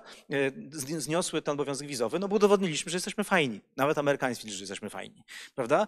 A więc jakby to spowodowało to, że nie mamy już obowiązku wizowego. Ja mam. Ja muszę mieć wizę do Stanów Zjednoczonych, bo byłem w Iranie. Ale to już ja sobie sam zaszkodziłem, prawda? Państwo amerykańskie powiedziało, wszyscy ci, którzy byli w Iranie są lekko podejrzani, prawda? A więc muszę już wizę sobie wyrobić, ale większość państw, które nie zrobiło e, tego bardzo ryzykownego ruchu odwiedzając Iran, e, prawda? Może już nie mieć tego, logujemy się raz, dwa, trzy, załatwiamy, 15 minut to trwa, płacamy tam 70 ileś dolarów i, i mamy takie pozwolenie na wjazd na dwa lata i z głowy, prawda? Dlatego nasz ten paszport jest super atrakcyjny. Dużo państw chce, mm, ch- em, em, e, chce mieć, także my to prawo człowieka mamy. Ale to prawo człowieka ma może miliard ludzi na te osiem, prawda? I zabraliśmy to prawo bardzo wielu ludziach, również cofając się kwestii dotyczących uznawania, przyznawania ochrony międzynarodowej. Bo my tego migrant, tego prawa nie, nie, nie, nie przyznajemy tej osobie, która chce przekroczyć granicę polsko-białoruską. Mówimy o tym, ty nie masz prawa do migracji, wracaj do siebie. Bo my musisz spełnić tyle i tyle wymogów, żebyśmy to prawo uznali. Ale jeżeli jesteś na przykład e, z, z Jemenu, to my ci tego prawa w ogóle odmawiamy. Prawda? Bo nie w ogóle nie masz prawa do nas przyjechać. Nie dostaniesz wizy. Czyli w ogóle my nie chcemy ciebie tutaj. Odbieramy prawo człowieka do migracji innej, os innej osobie, prawda? Czyli proszę, proszę zwrócić uwagę, w naszym przypadku to jest jedno z podstawowych praw, my możemy migrować, ale inni ludzie na świecie nie mogą migrować. Dlatego to prawo migracyjne, prawo migracji stało się prawem tak naprawdę ekskluzywnym. Tylko ekskluzywna grupa ludzi posługuje się prawem do migracji. I proszę dzisiaj wieczorem sobie uświadomić, że my jesteśmy wśród tej grupy, która ma to prawo. I to prawo bardzo wysoko zapewnione przez prawo międzynarodowe. I ostatnie pytanie, ostatni punkt. Przyspieszyłem trochę z tymi dwoma ostatnimi. E, ostatni punkt, e, e, trochę smutny niestety, ale trzeba znów stanąć w prawdzie. To wszystko, o czym Państwu powiedziałem, buduje coś, co nazywamy fortecą Europa. Strasznie się baliśmy tego stwierdzenia. Ja bym jeszcze pewnie pięć lat temu o tym nie powiedział. Tak? Chociaż już dyskutowaliśmy tak? w gronie osób zajmujących się scenariuszami globalnymi, tak jak ja, dodając tę migrację, baliśmy się, że ta forteca Europa będzie budowana. To widzieliśmy trochę po ruchach takich mm, antyislamskich, e, ruchach e, antymigracyjnych. One nie, one nie przybierały e, tak dużego znaczenia jak teraz, ale już to wtedy troszeczkę widzieliśmy. I raz my zaczynamy budować Fortecę Europa, bo Pakt Migracji i Azylu, czyli ten dokument, który jest dzisiaj tak mocno dyskutowany, on jest podłożem dla budowania e, czegoś, co nazywamy Forteca Europa. Podam jeden przykład. Tam jest taki zapis mówiący o tak zwanym screeningu. Nie lubimy tego słowa, prawda? Bo screening znaczy przegląd. A więc my będziemy przeglądać osoby na naszej granicy i stwierdzać, czy mogą do nas wjechać, nie tylko i wyłącznie z powodu turystyczno-ekonomicznych, ale również ze względu na ich ochronę, ochronę praw człowieka tak? czyli przez ewentualnego przyznania y, y, ochrony międzynarodowej. Powiedziemy, ty możesz, a ty nie. E, czyli to jest ewidentne budowanie czegoś, co nazywamy fortecą. Tak? Będziemy się bronić przed tym. Forteca służy do obrony. I my, my z naszej strony, dla nas budowanie fortecy to wcale tak głupio nie brzmi dzisiaj, bo mamy państwo Rosja i państwo Białoruś, które nie są nam przyjazne.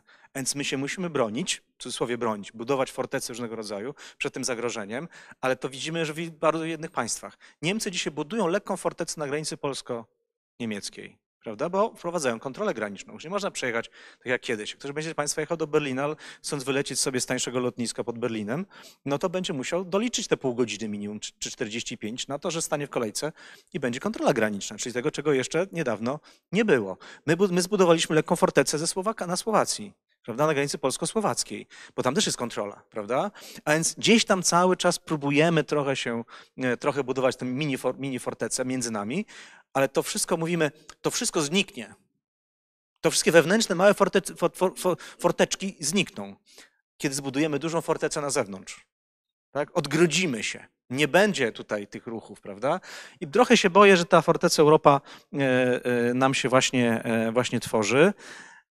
I na koniec ja bym bardzo chciał, żeby ta forteca była jak najniższa i taka, która dostrzega e, w dużej części jednak różnorodność świata. Żebyśmy nie dążyli koniecznie do zablokowania Europy e, przed jakąkolwiek migracją, bo tam na pewno dobrze nie będzie nam, dobrze nam nie będzie służyć. A ta, że forteca powstaje, to widzimy na naszych oczach i musimy sobie też to powiedzieć, że, że, że, że ten świat się zmienia, zmienia na bardzo, na, na, że zmienia się na naszych oczach i że z tą fortecą będziemy musieli jakoś żyć. My, będąc chcąc wyjechać poza tą fortecę, też będziemy musieli przechodzić więcej kontroli niż dzisiaj i wracając też będziemy musieli przechodzić więcej niż dzisiaj. I to jest pewnego, pewnego real, którym musimy się, musimy się spotkać, ale bardzo bym chciał, żeby ta forteca nie przypominała e, muru z gry o tron, tylko raczej przypominała jakiś, e, jakąś taką zaporę, czy jakąś taką przeszkodę, która będzie służyła naszemu bezpieczeństwu, ale nie będzie odbierała nam wszystkich tych elementów człowieczeństwa i wszystkich tych elementów pozytywnych, które są związane z migracjami. Ostatnie zdanie. Migracje są absolutnie wspaniałe, ponieważ mimo tego, że nie lubimy się przemieszczać, tak jak już się przemieszczamy, to najczęściej y, mamy dobre wspomnienia. E, bardzo Państwu dziękuję. Przepraszam za trochę chaosu w tym, co chciałem powiedzieć, ale chciałem trochę inaczej o tym opowiedzieć.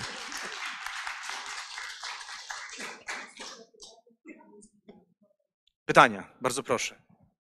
Szybko w takim razie potem. E,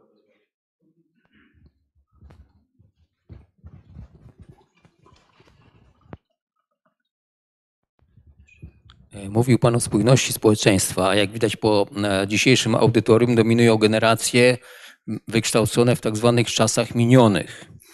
E, Jak można zaobserwować, te młodsze generacje pod każdym względem praktycznie ustępują tym starszym ze względu na umiejętności, kompetencje, a nawet poczucie odpowiedzialności. Moim zdaniem stawia to pod dużym zdaniem, znakiem zapytania zastępowalność pokoleń. To jest trochę tak, że mam nadzieję, że na sali nie ma e, y, bardzo wybitnych socjologów, y, bo powiem coś trochę będzie mm, takim nadużyciem, ale jakby w teorii społecznej jest, jest zmiana społeczna. Ona się odbywa na bardzo różnych poziomach. A taka podstawowa zmiana społeczna, żeby tak absolutnie trywialnie to powiedzieć, przepraszam za to słowo, to moje pokolenie akceptuje to, co nie było do zaakceptowania przez pokolenie moich rodziców. Moje dzieci akceptują to, co dla mnie nie jest do zaakceptowania. I teraz ten proces do 1850 roku, mniej więcej do rewolucji przemysłowej, następował tak, że co pokolenie miało dokładnie takie same zasady. Prawda? Rewolucja przemysłowa, migracje. Ludzie zaczęli się przemieszczać do miast, w innych miejscach, zobaczyli, że ludzie żyją inaczej i zaczęli się zmieniać. Prawda? I my na każdym polu dokonujemy tej zmiany społecznej.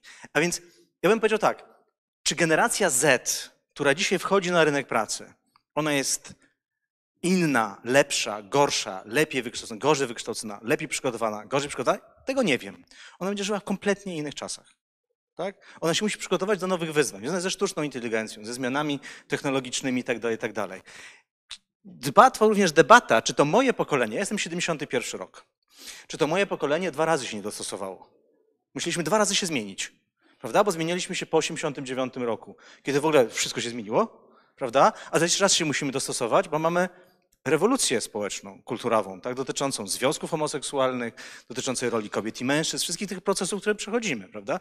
Ja jeszcze wychodziłem z takiego przekonania, że mężczyzna jest dominujący, tak? Że to jest świat mężczyzn, prawda? A już po wieku lat 52 to mówię o tym, nie, nie.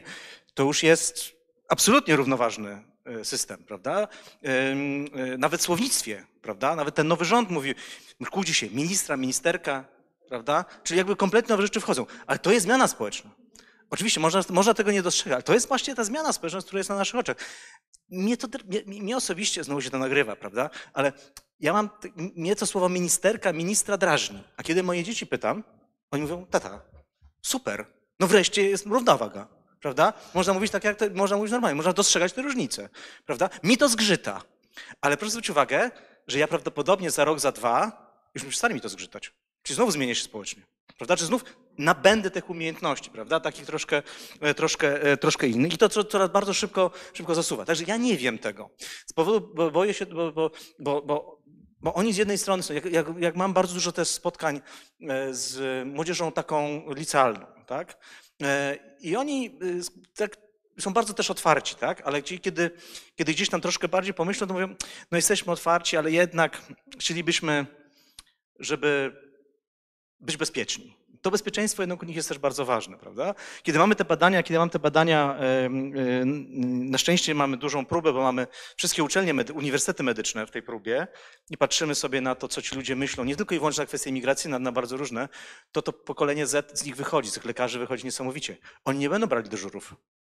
Nie będą brali dyżurów. Mówią o tym, my chcemy zarabiać 8 godzin tyle, żeby normalnie funkcjonować. My nie chcemy. Jak nie, to wyjedziemy. Tam, gdzie tam nam to oferują. Są w taki sposób podchodzą do życia, prawda? A więc jakby y, to jest też, y, to jest też y, coś, co musimy sobie brać pod uwagę. Więc nie, nie opisuję z poszczególnych pokoleń lepiej czy gorzej, tak?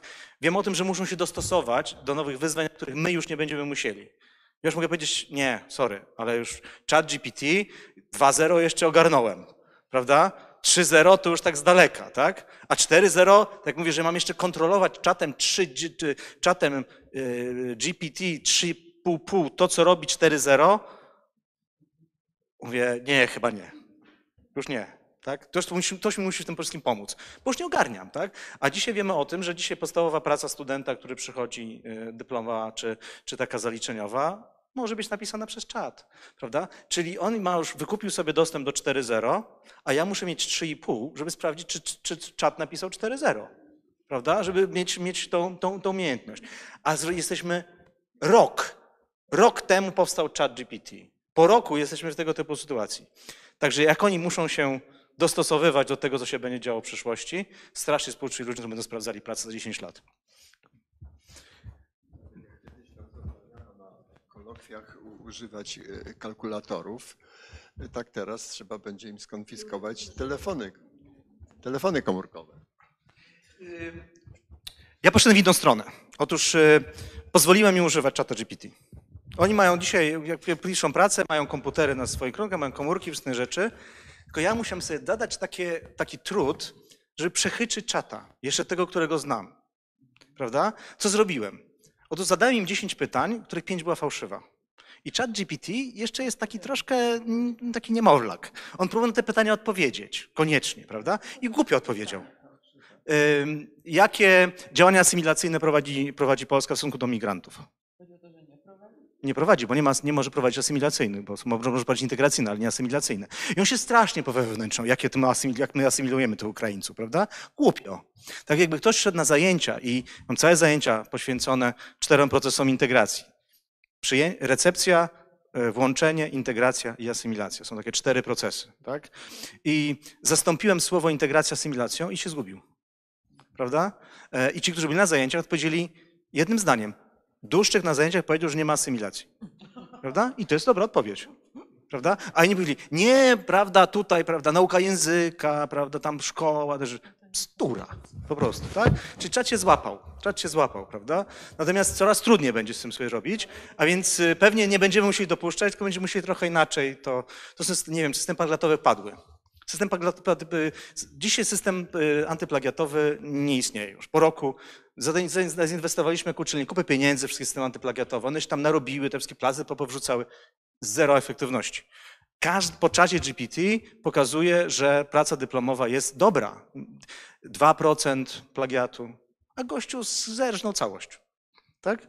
Dopiero jak się zaweźmie inny czat, sprawdzić, czy jest ten, to wtedy powie, że tak, duże prawdopodobieństwo, że czata. Bo czat szczyci czata. Nie? Bardzo proszę, zadać pytanie chyba. Tak, absolutnie, ja to robię, absolutnie.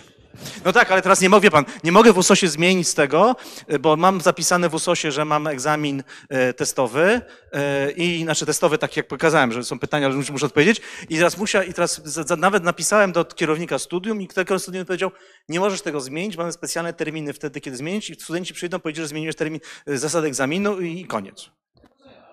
Ale oczywiście, ma pan rację. Przepraszam, przepraszam, jest mikrofon, zaraz pan dostanie. Ja bardzo przepraszam, bo nie zauważyłem. Nie, nie szkodzi. Y, Moje pytanie jest takie. y, Wojna w Ukrainie trwa i jeszcze potrwa. Ukraina ma problem z eksportem swoich żywnościowych produktów do Afryki. Czy my bierzemy pod uwagę, że z powodu głodu będzie większa ilość przybyszy z Afryki? Oj, to jest y, strasznie kompleksowe pytanie. Mo, znaczy, żywność w Afryce jest trochę funkcją kwestii zmian klimatycznych. Tak? Bo kurczy nam się terytoria, które mogą być obsiewane, to już głównie zwierzęta i tak dalej, i tak dalej. Dostęp do wody. I teraz, jeżeli, zmiany, jeżeli konsekwencje zmian klimatycznych będą szybsze niż zmiany demograficzne, to czeka nas eksodus. Nawet nie do Europy, tylko w ramach Afryki. Afryka prze, prze, będzie miała, prze, znaczy prze, przeżyje tak, taki, taką absolutną wiosnę, lato, rok ludów, kiedy ludzie po prostu będą szli, bo zabraknie im żywności e, i napotkają innych ludzi, którzy już tam są. Dochodzi do dużych konfliktów takich zbrojnych. Na skalę, którą my jesteśmy w stanie sobie przewidzieć, ale również z intensywnością i taką, taką brutalnością, której my nie jesteśmy w stanie sobie przewidzieć. I teraz, czy Ukraina to rozwiąże? Myślę, że nie. Prawda? No bo to będą takie duże, duże, duże procesy. Natomiast jeżeli te zmiany demograficzne będą szybsze niż klimatyczne, to może tego unikniemy. Bo może po prostu ta ograniczająca się liczba, znaczy na początku zmniejszający się wzrost ludności, a później stabilizacja, a później zmniejszenie spowoduje to, że przed tym się w jakiś sposób uratujemy. Ale to, to oznacza to, że musimy się dostosować do tych zmian klimatycznych, bo już ich nie zatrzymamy. Profesor Szymon Malinowski, mój guru od zmian klimatycznych, po drugie jest też parę dobrych książek na temat y, klimata, migrację, y, mówią następująco. My już tych procesów nie zatrzymamy. One musimy się przeciwdziałać. I teraz ja podaję taki przykład, może nie z Afryki, bo to jest kwestia na przykład irygacji w Afryce, y, prawda, kwestia dotycząca nowych odmian genetycznie modyfikowanej żywności, która jest w stanie z bardzo niewielką ilością wody przeżyć i tak dalej. Tak Mamy ileś tam technologii, które możemy zastosować, tylko trzeba mieć w miarę stabilność państwa tam, żeby tam można było pewne rzeczy, pewne rzeczy y, y, zrobić. Natomiast jest taki dobry przykład kraju, który bardzo się mocno dostosowuje do zmian klimatycznych. To jest Holandia. Prawda? Bo Holendrzy wiedzą o tym, że jeżeli naprawdę nam się trochę tego, tej Antarktydy roztopi, no to oni będą mieli wodę w 3 czwartej, 3 czwartej swojego terytorium, prawda? Więc budują strasznie skomplikowany system irygacyjny, zabezpieczeń różnego rodzaju, że, że, że, to, że to nie, że po prostu nie dotknie to ich. No są w stanie to opanować. Tak mi się wydaje. Czy to jest prawda? Nie wiem. Ale to jest element właśnie dostosowania. Oni, oni jakby przekroczyli Rubikon przestali się zastanawiać o tym, czy to będzie, tylko powiedzieli, za 10 lat ta woda będzie i my się mamy 10 lat, żeby to zrobić. To jest samo z Afryką. Tak? Jeżeli mamy to mycie w Afryce, to wiemy o tym, że to, to pustynienie będzie postępowało. Teraz musimy szybko zadziałać, żeby się do tego dostosować. Albo nowoczesnymi technologiami, żeby, żeby tam dostarczyć, żeby ta żywność dała się produkować w innych okolicznościach, w innych, w innych warunkach jakby przyrodniczych, e, bo inaczej rzeczywiście grozi nam bardzo duży problem. Czyli, czyli tu Ukraina jest jakimś minimalnym rozwiązaniem, ale to jest taka kroplówka. Prawda? Tam ten, ten proces społeczny będzie dużo geograficzny, geologiczny będzie dużo, nie, geologiczny nie, geograficzny czy taki klimatyczny będzie dużo większy niż, e, niż, nam, się, e, niż nam się wydaje. Trzeba po prostu z tą perspektywą sobie żyć. To jest trochę, wiecie Państwo, jak klub rzymski. Prawda? No bo były raporty klubu rzymskiego, które nas już powinno nie być. Prawda? Ale niech ktoś mi teraz odpowie na dobre pytanie. Czy dlatego, że jesteśmy, spotykamy się tutaj 18 grudnia, to jest efekt tego, że klub rzymski się pomylił, czy my żeśmy się dostosowali do tego, co klub rzymski napisał? Prawda? Bo to jest czysty maltuzjanizm. Prawda? E, nie było końca świata. Prawda? I teraz jest pytanie jest to, czy my dzisiaj też, wiedząc już to wszystko, będąc mądrzejsi niż nasi koledzy i koleżanki z klubu rzymskiego, prawda? Wiemy, więcej wiemy, tylko że politycy może mniej nas słuchają. Prawda, żeby się do tego w pewien sposób dostosować. A jeżeli posłuchają i to zrobimy, to wydaje się, że, że, że ten maltuzjanizm nie musi się spełnić. Prawda? Ale jeżeli nie, no to te scenariusze są złe. No jak się widzi ten podnoszenie się temperatury i konsekwencji zmian klimatycznych w tym modelu e, też harwardzkim, gdzie profesor Malinowski również uczestniczył, no to jak ja to przeczytałem i tak zrozumiałem, bo to strasznie skomplikowane dla politologa, a jak już szedłem, zrozumiałem troszkę to, no to trochę moje na szczęście już rzadkie włosy na głowie stanęły. Prawda? Bo sobie uświadomiłem, że ten czas, wydawało mi się, że mamy pokolenie. Okazuje się, że nie, nie mamy pokolenia. Może mamy pół pokolenia, żeby to zrobić prawda? E, Dubaj, e, szczyt klimatyczny, niby coś o tym węglu napisali, ale z drugiej strony my, oparci nasze bezpieczeństwo energetyczne węglu, też nie chcemy się tego pozbywać, bo stracimy bezpieczeństwo. Strasznie skomplikowana układanka, naprawdę. A ta migracja jest tylko i wyłącznie efektem tej układanki. Bo to jest efekt. To nie jest czynnik napędzający, to jest efekt, prawda? Jeżeli ktoś mi mówi, jeżeli ktoś mnie pyta, jakie są konsekwencje zmian klimatycznych dla migracji, ja mówię, na razie nie ma, konsekwen- nie ma konsekwencji zmian klimatycznych. Bo zmiany klimatyczne powodują Głód, ubóstwo, wojny, a to są czynniki migracyjne. Sama zmiana klimatu nie. Konsekwencje zmian klimatu napędzają migrację. Najpierw chciałem pogratulować, bardzo mi się podobał pański wykład. E, nawet niepotrzebnie z mojego punktu widzenia pan się krygował. Jak dla mnie to pan był jeszcze za mało niepoprawny politycznie, ale dziękuję za parę takich właśnie otwarcie powiedzianych prawd, które w telewizji, która całą prawdę, całą dobę nadaje, to już pana by chyba ze studia za parę zdań z tego Nie, jestem tam częstym gościem. Tak? A, być może. No to nie wiem, może jakaś ewolucja zaszła. Nieważne. Natomiast y, chciałem zapytać bo o tą spoistość y, społeczną, bo rozumiem, że tu chodzi ja, czy dla mnie to się wiąże jakoś z polityką multikulti.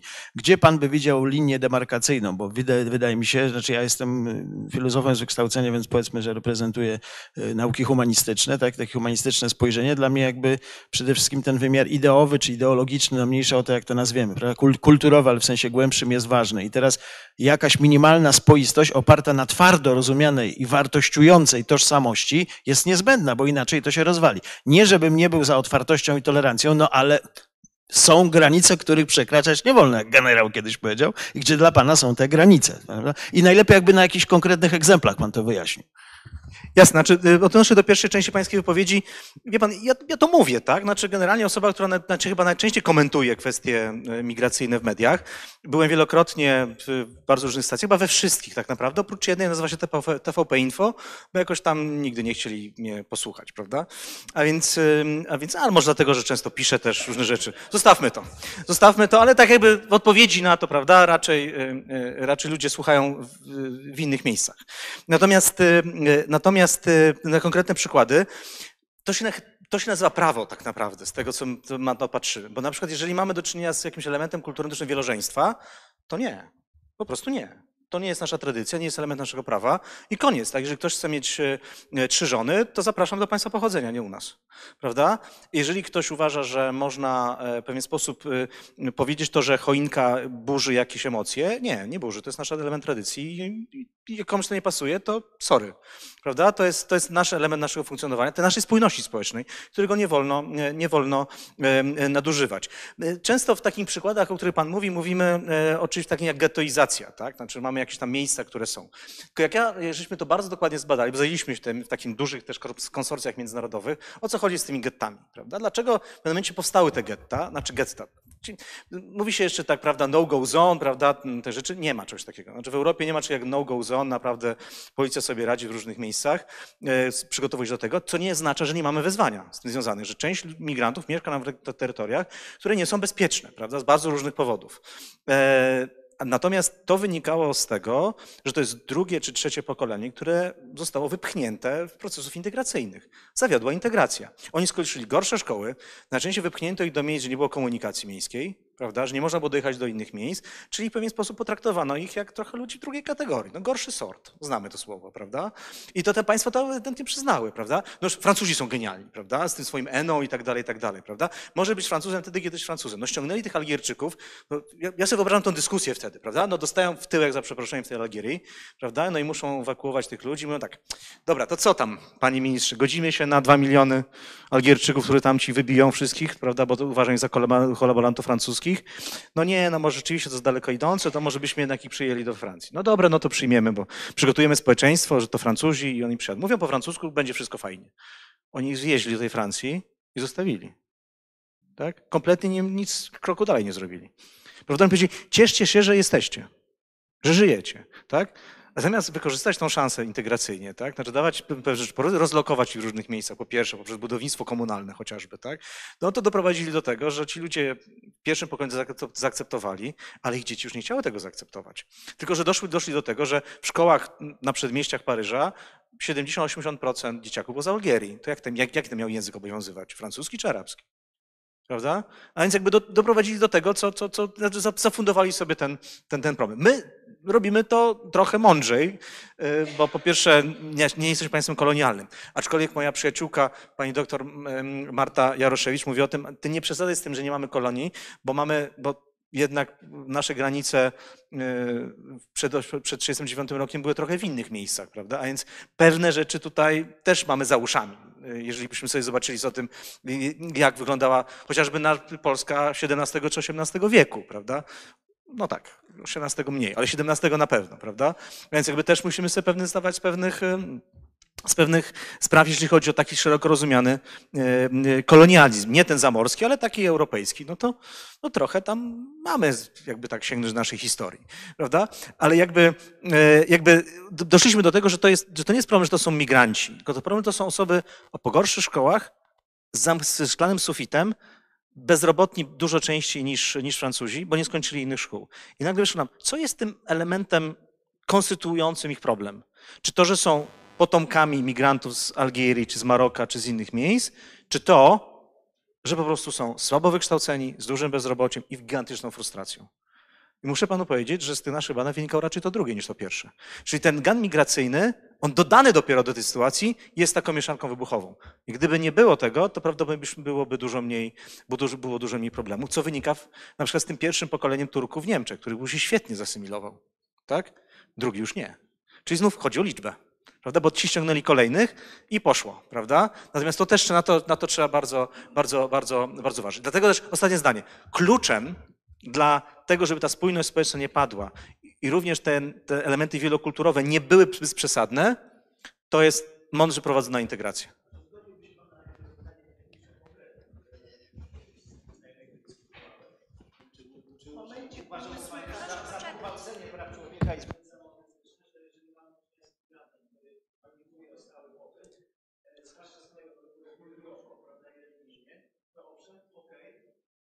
Chyba słychać. Ale składasz, bracie, przysięgę na wierność Konstytucji.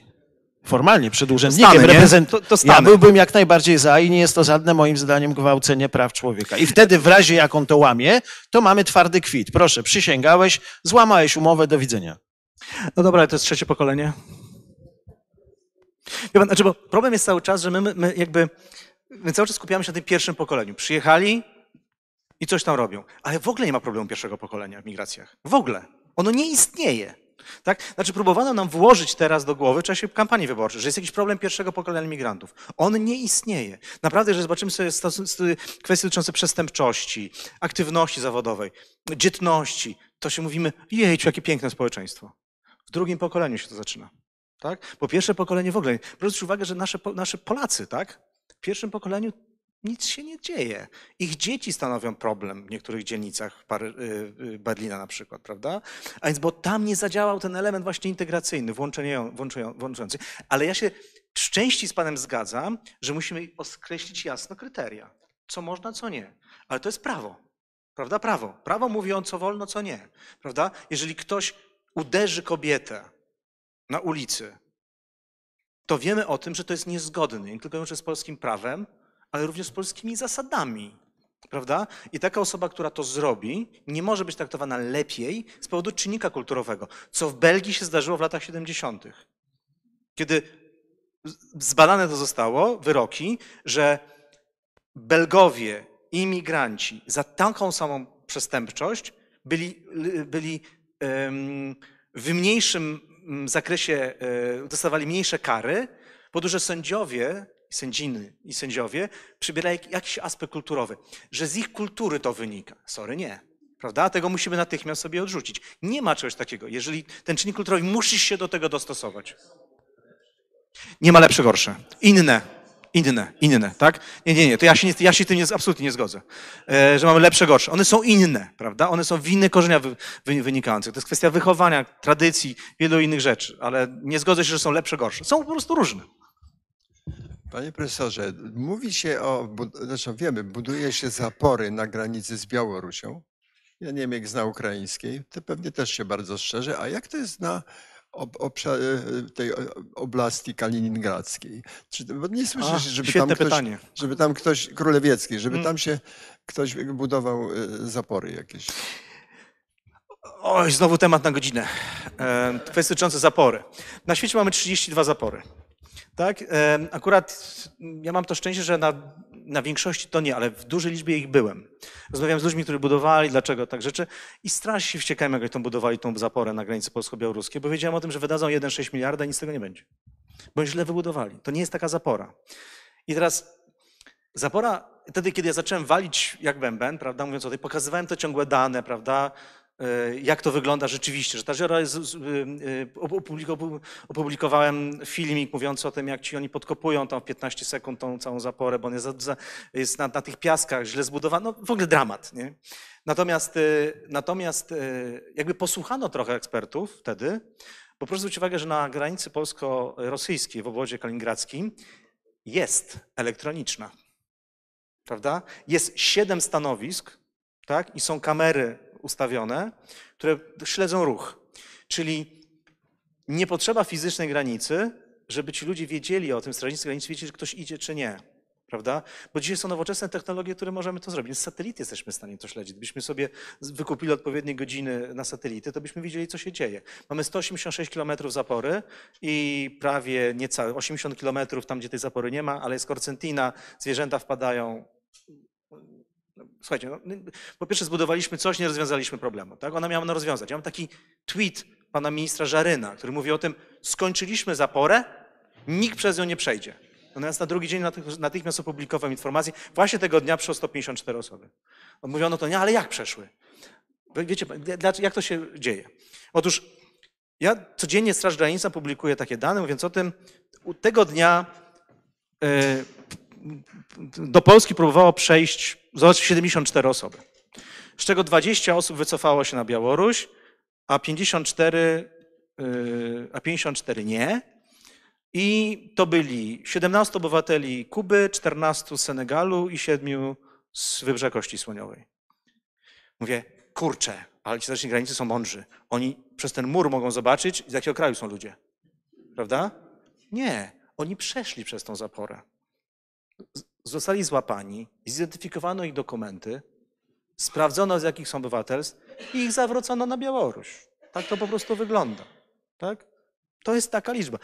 Ale nie wiemy jeszcze, ile, ile ludzi przeszło. Prawda? Bo Białorusini co robią?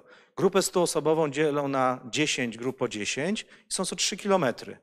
Jedna grupa podchodzi Białorusinów, wrzucają naszych strażników, tamci ściągają posiłki, przyjeżdżają, w innym miejscu przechodzą tamci, prawda? Tamci jeszcze zdążą ich zatrzymać, a 5-6 grup przechodzi i idzie dalej, bo mają przemytników ustawionych 2 kilometry dalej, którzy zabierają do Niemiec, do Wielkiej Brytanii. Tak. Jeżeli to jest człowiek z Pakistanu, to on nie jedzie do Niemiec. On jedzie do Wielkiej Brytanii. Jeżeli to jest facet z Senegalu, to jedzie do Francji. Jeżeli jest to facet z Ivory Coast, to prawdopodobnie jedzie do Portugalii. Prawda? Bo w zależności, gdzie ma swoją sieć. Prawda?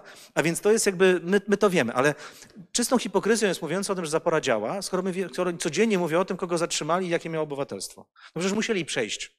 Jak, no inaczej się nie da stwierdzić, jakie on ma obywatelstwo. Słucham? E, z, z, y, Z okręgiem e, nie, królewskim? no bo tam, tam, bo tam kiedyś było coś takiego, że oni mogą przechodzić, ale Rosjanie nie są samobójcami. Tam jest 800 tysięcy ludzi, bo oni sobie ściągnęli 5 tysięcy imigrantów, to by tam mieli rewolucję. Myślę, żeby wtedy królewiec stał się jeszcze przyłączyć do Polski. Tak? Bo my na, na Mazurach tego nie obserwujemy. Tak, tak, dokładnie mówię o tym. Po prostu tam oni, Rosjanie, nie chcą ich ściągnąć, bo się boją o tym, że to zdestabilizuje ten, ten, to miejsce. Tak? Lepiej to przez Białoruś, przez Białoruś robić. Chodzi o to, że jeżeli ci ludzie zostaną znamierzeni, zostaną zatrzymani, zostaną deportowani i wró- powróceni do siebie, to to jest to lepsze wyjście. Ale wiemy o tym, że deportacja słabo działa. Trudno nam jest to, to, to zrobić. Fizyczna bariera nie jest taka niczym złym tak naprawdę. Ja nie jestem jej, nie mówię o tym, że trzeba ją rozebrać, to w ogóle nie, to w ogóle nie, nie ma o czym mówić. Trzeba ją naprawić. Tak? Trzeba zrobić dokładnie taką samą zaporę jak w Królewcu na tej granicy, żeby odciąć ich od przemytników, żebyśmy widzieli, co się dzieje. Bo jeżeli ten człowiek nawet przejdzie i nie będzie miał tego przemytnika, to powie, nie, sorry, nie działa. Wiecie Państwo, tam są setki filmów na TikToku, jak się przekracza polską granicę. Poradniki są. Jakby Pan chce ściągnąć po arabsku poradnik, jak przekroczyć polską granicę, to, to nie ma żadnego problemu sobie pobrać taki poradnik, prawda? Oni na, zrobią coś takiego, że te- reklamy y, obwieszczają, mówią tak, y, są cennik. Oni cennik jak za przeproszeniem w dobrej parafii, prawda? Y, Napisane jest tak, że przekroczenie granicy z, z, z przewodnikiem tyle kosztuje, z GPS-em tyle kosztuje, prawda? Pomoc Białoruskiej Straży Granicznej tyle kosztuje. To jest po prostu czysty cennik, co, gdzie, prawda, za ile można przejść. Teraz jest inaczej. Oni teraz wstrzymali, bo Bia- Białoruś wstrzymała to, bo coś tam się za nich zadziałało. Chyba się trochę obwąchują, nie wiadomo o co chodzi. Po drugie, na Finlandii na razie skierowali, prawda? Ale Finowie zamknęli granicę i na TikToku było już takie ogłoszenie, że no nie udało się Finlandii, organizuje, organizuje transport do Mińska. Jeżeli organizują transport do Mińska, to jest sygnał do nas, że te osoby będą chciały przekroczyć polsko-białoruską granicę, albo łotewską, jak my to lepiej zabezpieczymy, prawda? My musimy bronić tej granicy, ale nie możemy doprowadzić do sytuacji, w których ludzie giną na naszej granicy, prawda, zamarzają, bo to jest po prostu nieludzkie. Tak? E, To jest wojna hybrydowa, której są ofiary, niestety, ale my musimy ograniczyć za wszelką cenę e, tą sytuację, no żebyśmy, żebyśmy mogli powiedzieć, nadal jesteśmy państwem europejskim pewnych wartościach, a nie, a nie państwem, które tylko i wyłącznie siłowo e, to robi. Tak? Wiecie Państwo, czy gdzieś te dzieciaki z Michałowa będą nadal siedzieć? Tak? Bo mówi się o tym, że ich nie było. Że tak prawda, że tam jakaś. Ostatnio był też taki gazecie wyborczej słynny tekst mówiący o tym, że tam jakaś. No, fakt, że to też było, że tam jakiś człowiek, który miał płynąć w rzece przez dwa tygodnie. Bzdura jakaś, prawda? Że jakaś była dziewczynka, która zginęła, bo znaleziono jej kurtkę, też to nie była prawda. Ale dzieci z Michałowa były i takich sytuacji nie było, to nie były pojedyncze sytuacje, prawda? I my żeśmy się zachowali no niezbyt dobrze, tak? Bo można było ten, ten, ten, ten problem rozwiązać dużo łatwiej i dużo bardziej proczłowieczo, tak? A nie, nie tak, jak to zrobiliśmy. I to gdzieś chyba będzie w nas siedziało. Znaczy we mnie na pewno siedzi. Ja mam takie pytanie, y, czy y, wiadomo jest panu profesorowi, czy ktoś pracuje nad takim systemem, żeby ewidencjonować napływ emigrant, imigrantów do Polski? Bo mówił pan, że dzisiaj nie jest w stanie powiedzieć, ilu ich jest w Polsce. Ojej, oj. Tak, znaczy my na początku wiemy. Tylko, że migracja polega na tym, że my, tak jak powiedziałem, to nie jest to, że my żeśmy zobaczyli ich na, na wjeździe. A już powiem najlepszy przykład. E, pandemia COVID. W pandemii COVID przedłużano przepisy dotyczące legalności pobytu. No bo ci ludzie nie mogli ani wrócić do siebie, ani nie mogli przedłużać dokumentów, bo urzędy były nieczynne i tak dalej, i tak dalej. Przedłużano to. Ale 30 czerwca wpadnę, wszedł, weszła ustawa, która odwołała, nie, nawet rozporządzenie, która odwołała pandemię. Koniec, nie ma pandemii. I to oczywiście dla nas oznaczało, że możemy te maseczki zdjąć u lekarza. I tak nikt ich nie nosił. Prawda? Dla nas, dla, dla mojego życia odwołanie pandemii nie znaczyło kompletnie nic. Tak? Ale już dla Ukraińca, który przyjechał 23 lutego, przed wybuchem wojny, czyli nie załapał się na ochronę tymczasową, tylko miał pobyt tymczasowy, oznaczało to, że ma 30 dni na złożenie dokumentów o zalegalizowanie pobytu, bo mu się wszystkie te przedłużenia właśnie kończyły. Prawda? I teraz jedni wiedzieli, ja na tym swoim Twitterze, rzeczy, woliłem, słuchajcie, składajcie, wyślijcie pustą kopertę, uzupełnijcie dokumenty, byle numer dostać. Prawda? Bo w tym momencie państwo mówi, jeżeli złożyłeś dokumenty, my ci je sprawdzimy i poprawimy, ale będziesz mógł po prostu uzupełnić. Chodziło o to, wiecie państwo, tak jak z zeznaniem podatkowym. My możemy pust- pustego pita wysłać, byle termin był, bo później go e, uzupełnimy, prawda? Chodzi o utrzymanie terminu. Natomiast, e, natomiast duża część o nie wiedziała i teraz ludzie wpadli nam w nielegalność. Czyli jeżeli dzisiaj patrzymy sobie na dokumentację, to my mamy dzisiaj, dzisiaj Urząd do Spraw to, że on licz, policzył legalnie przebywających na milion osiemset. Ale ja już wiem, że ci covidowcy już nie są w systemie UDSC. I teraz nie wiem jest ile. 500 tysięcy? Prawda? Ponadto mamy ludzi, którzy y, przyjechali do Polski i zaczęli pracę, wiza im się skończyła. Są nielegalnie, ale są. Prawda? Mamy też statystyki dotyczącego ZUS-u. Milion sto dwadzieścia siedem tysięcy. Tych, którzy płacą składki. Ale mamy również nieoskładkowane umowy. Bo na przykład mamy dzieciaków do 26 roku, studentów, którzy nie są w picie. Prawda? I nie płacą składek. Tak? Czyli mamy ileś tam rzeczy. Tą bazę trzeba poskładać z bardzo różnych rzeczy, czy zobaczyć, czy nie są te same osoby.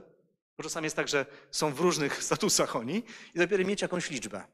Tak? Czyli ja nie wiem. Ja uczciwie powiem, że ja nie wiem do końca, ile tych ludzi jest. Jak sobie poskładamy, te, te, te eksperci poskładają tę tą, tą bazę, to wychodzi nam mniej więcej 2,800, 3 miliony. Że tyle jest. Tak? Natomiast, y, natomiast, y, co jeszcze chciałem powiedzieć, y, GUS za dwa dni da taki szacunek emigracyjny, jak również, również liczby ludności. Zobaczymy, co to będzie. Może być coś fajnego, bo oni się troszkę nauczyli na błędach ze spisem powszechnym. Bo oni w spisie powszechnym pokazali 111 tysięcy migrantów, cudzoziemców w Polsce. No ja się, muszę powiedzieć, że rzadko mogę się tak dobrze uśmiać jak wtedy, prawda? No ból, brzuch mnie rozbolał, jak się zobaczyłem te wyniki spisu, ale później zorientowali, że, że, że, że to bzdura i podali, że milion siedemset. Tak? Z czego wynika ta różnica? Do tej pory nie pokazali metodologii. Także czekam na tą środę, tak? bo to może być super ciekawe dane. Tak? Jak oni to poobliczali, bo to może być też dla nas też informacja, bo może jest rzeczywiście trochę mniej. Tak, ale może mają, mają taką metodę weryfikacji przyjęli, która nam daje jakiś efekt. Tak samo jak teraz y, y, SIO tak zwane, czyli System Informacji Oświatowej, pokazał dzieciaków y, w, szko- w szkołach, pokazał dużo więcej. Ja się zdziwiłem, mówię, jak to? To, to wszystkie rzeczy, to ja mówię, to bzdura, tak? tak? A okazało się, że oni doliczyli dzieci ukraińskie, które nawet urodziły się w Polsce, ale mają obywatelstwo ukraińskie sprzed 24, czyli ta liczba uchodźców wojennych nadal jest prawdziwa. Ale dodali tych wszystkich innych, którzy uznali za, zdefiniowali sobie Ukraińców, prawda? A więc jakby to też jest, to też trzeba bardzo uważać na to, jak przyjęta definicja została. Także my na wejściu ich mamy, natomiast y, później jak im się zmieniają statusy rzeczy, już to takie proste nie jest. Myślę, że podziękujemy. Bo moglibyśmy Dziękuję bardzo Państwu. jeszcze, jeszcze moglibyśmy pytać. Samej mi przyszło do głowy parę, parę pytań, jak na przykład, czy ktoś inny liczy swoich. Ale niech pan, pan profesor nie odpowiada. Czy ktoś ja inny napiszę, liczy? czy ktoś inny liczy. Y, Lepiej, Dobrze. drudzy gorzej, ale W, w, każdym, w każdym razie y, bardzo dziękujemy. Ja myślę, że to dało nam A bardzo to jeszcze wiele jedną rzecz, tą liczbą. Mogę jedną Dobrze? rzecz? Tak. Ym, Wiecie Państwo, bo to nie chodzi o liczbę, znaczy chodzi, żebyśmy wiedzieli. Tylko chodzi o to, jeżeli mamy na przykład w Polsce, w Warszawie milion siedemset tysięcy ludzi, to jest inaczej liczy się komunikację, inaczej się liczby lekarzy, inaczej się liczy wszystko. A jeżeli mamy ich dwa miliony, to musimy liczyć na dwa miliony, a nie na milion siedemset. Bo może w czasie na przykład, tak jak teraz, grypowego rzeczy, musimy przewidzieć, że więcej ludzi przyjdzie do lekarza, a nie mniej.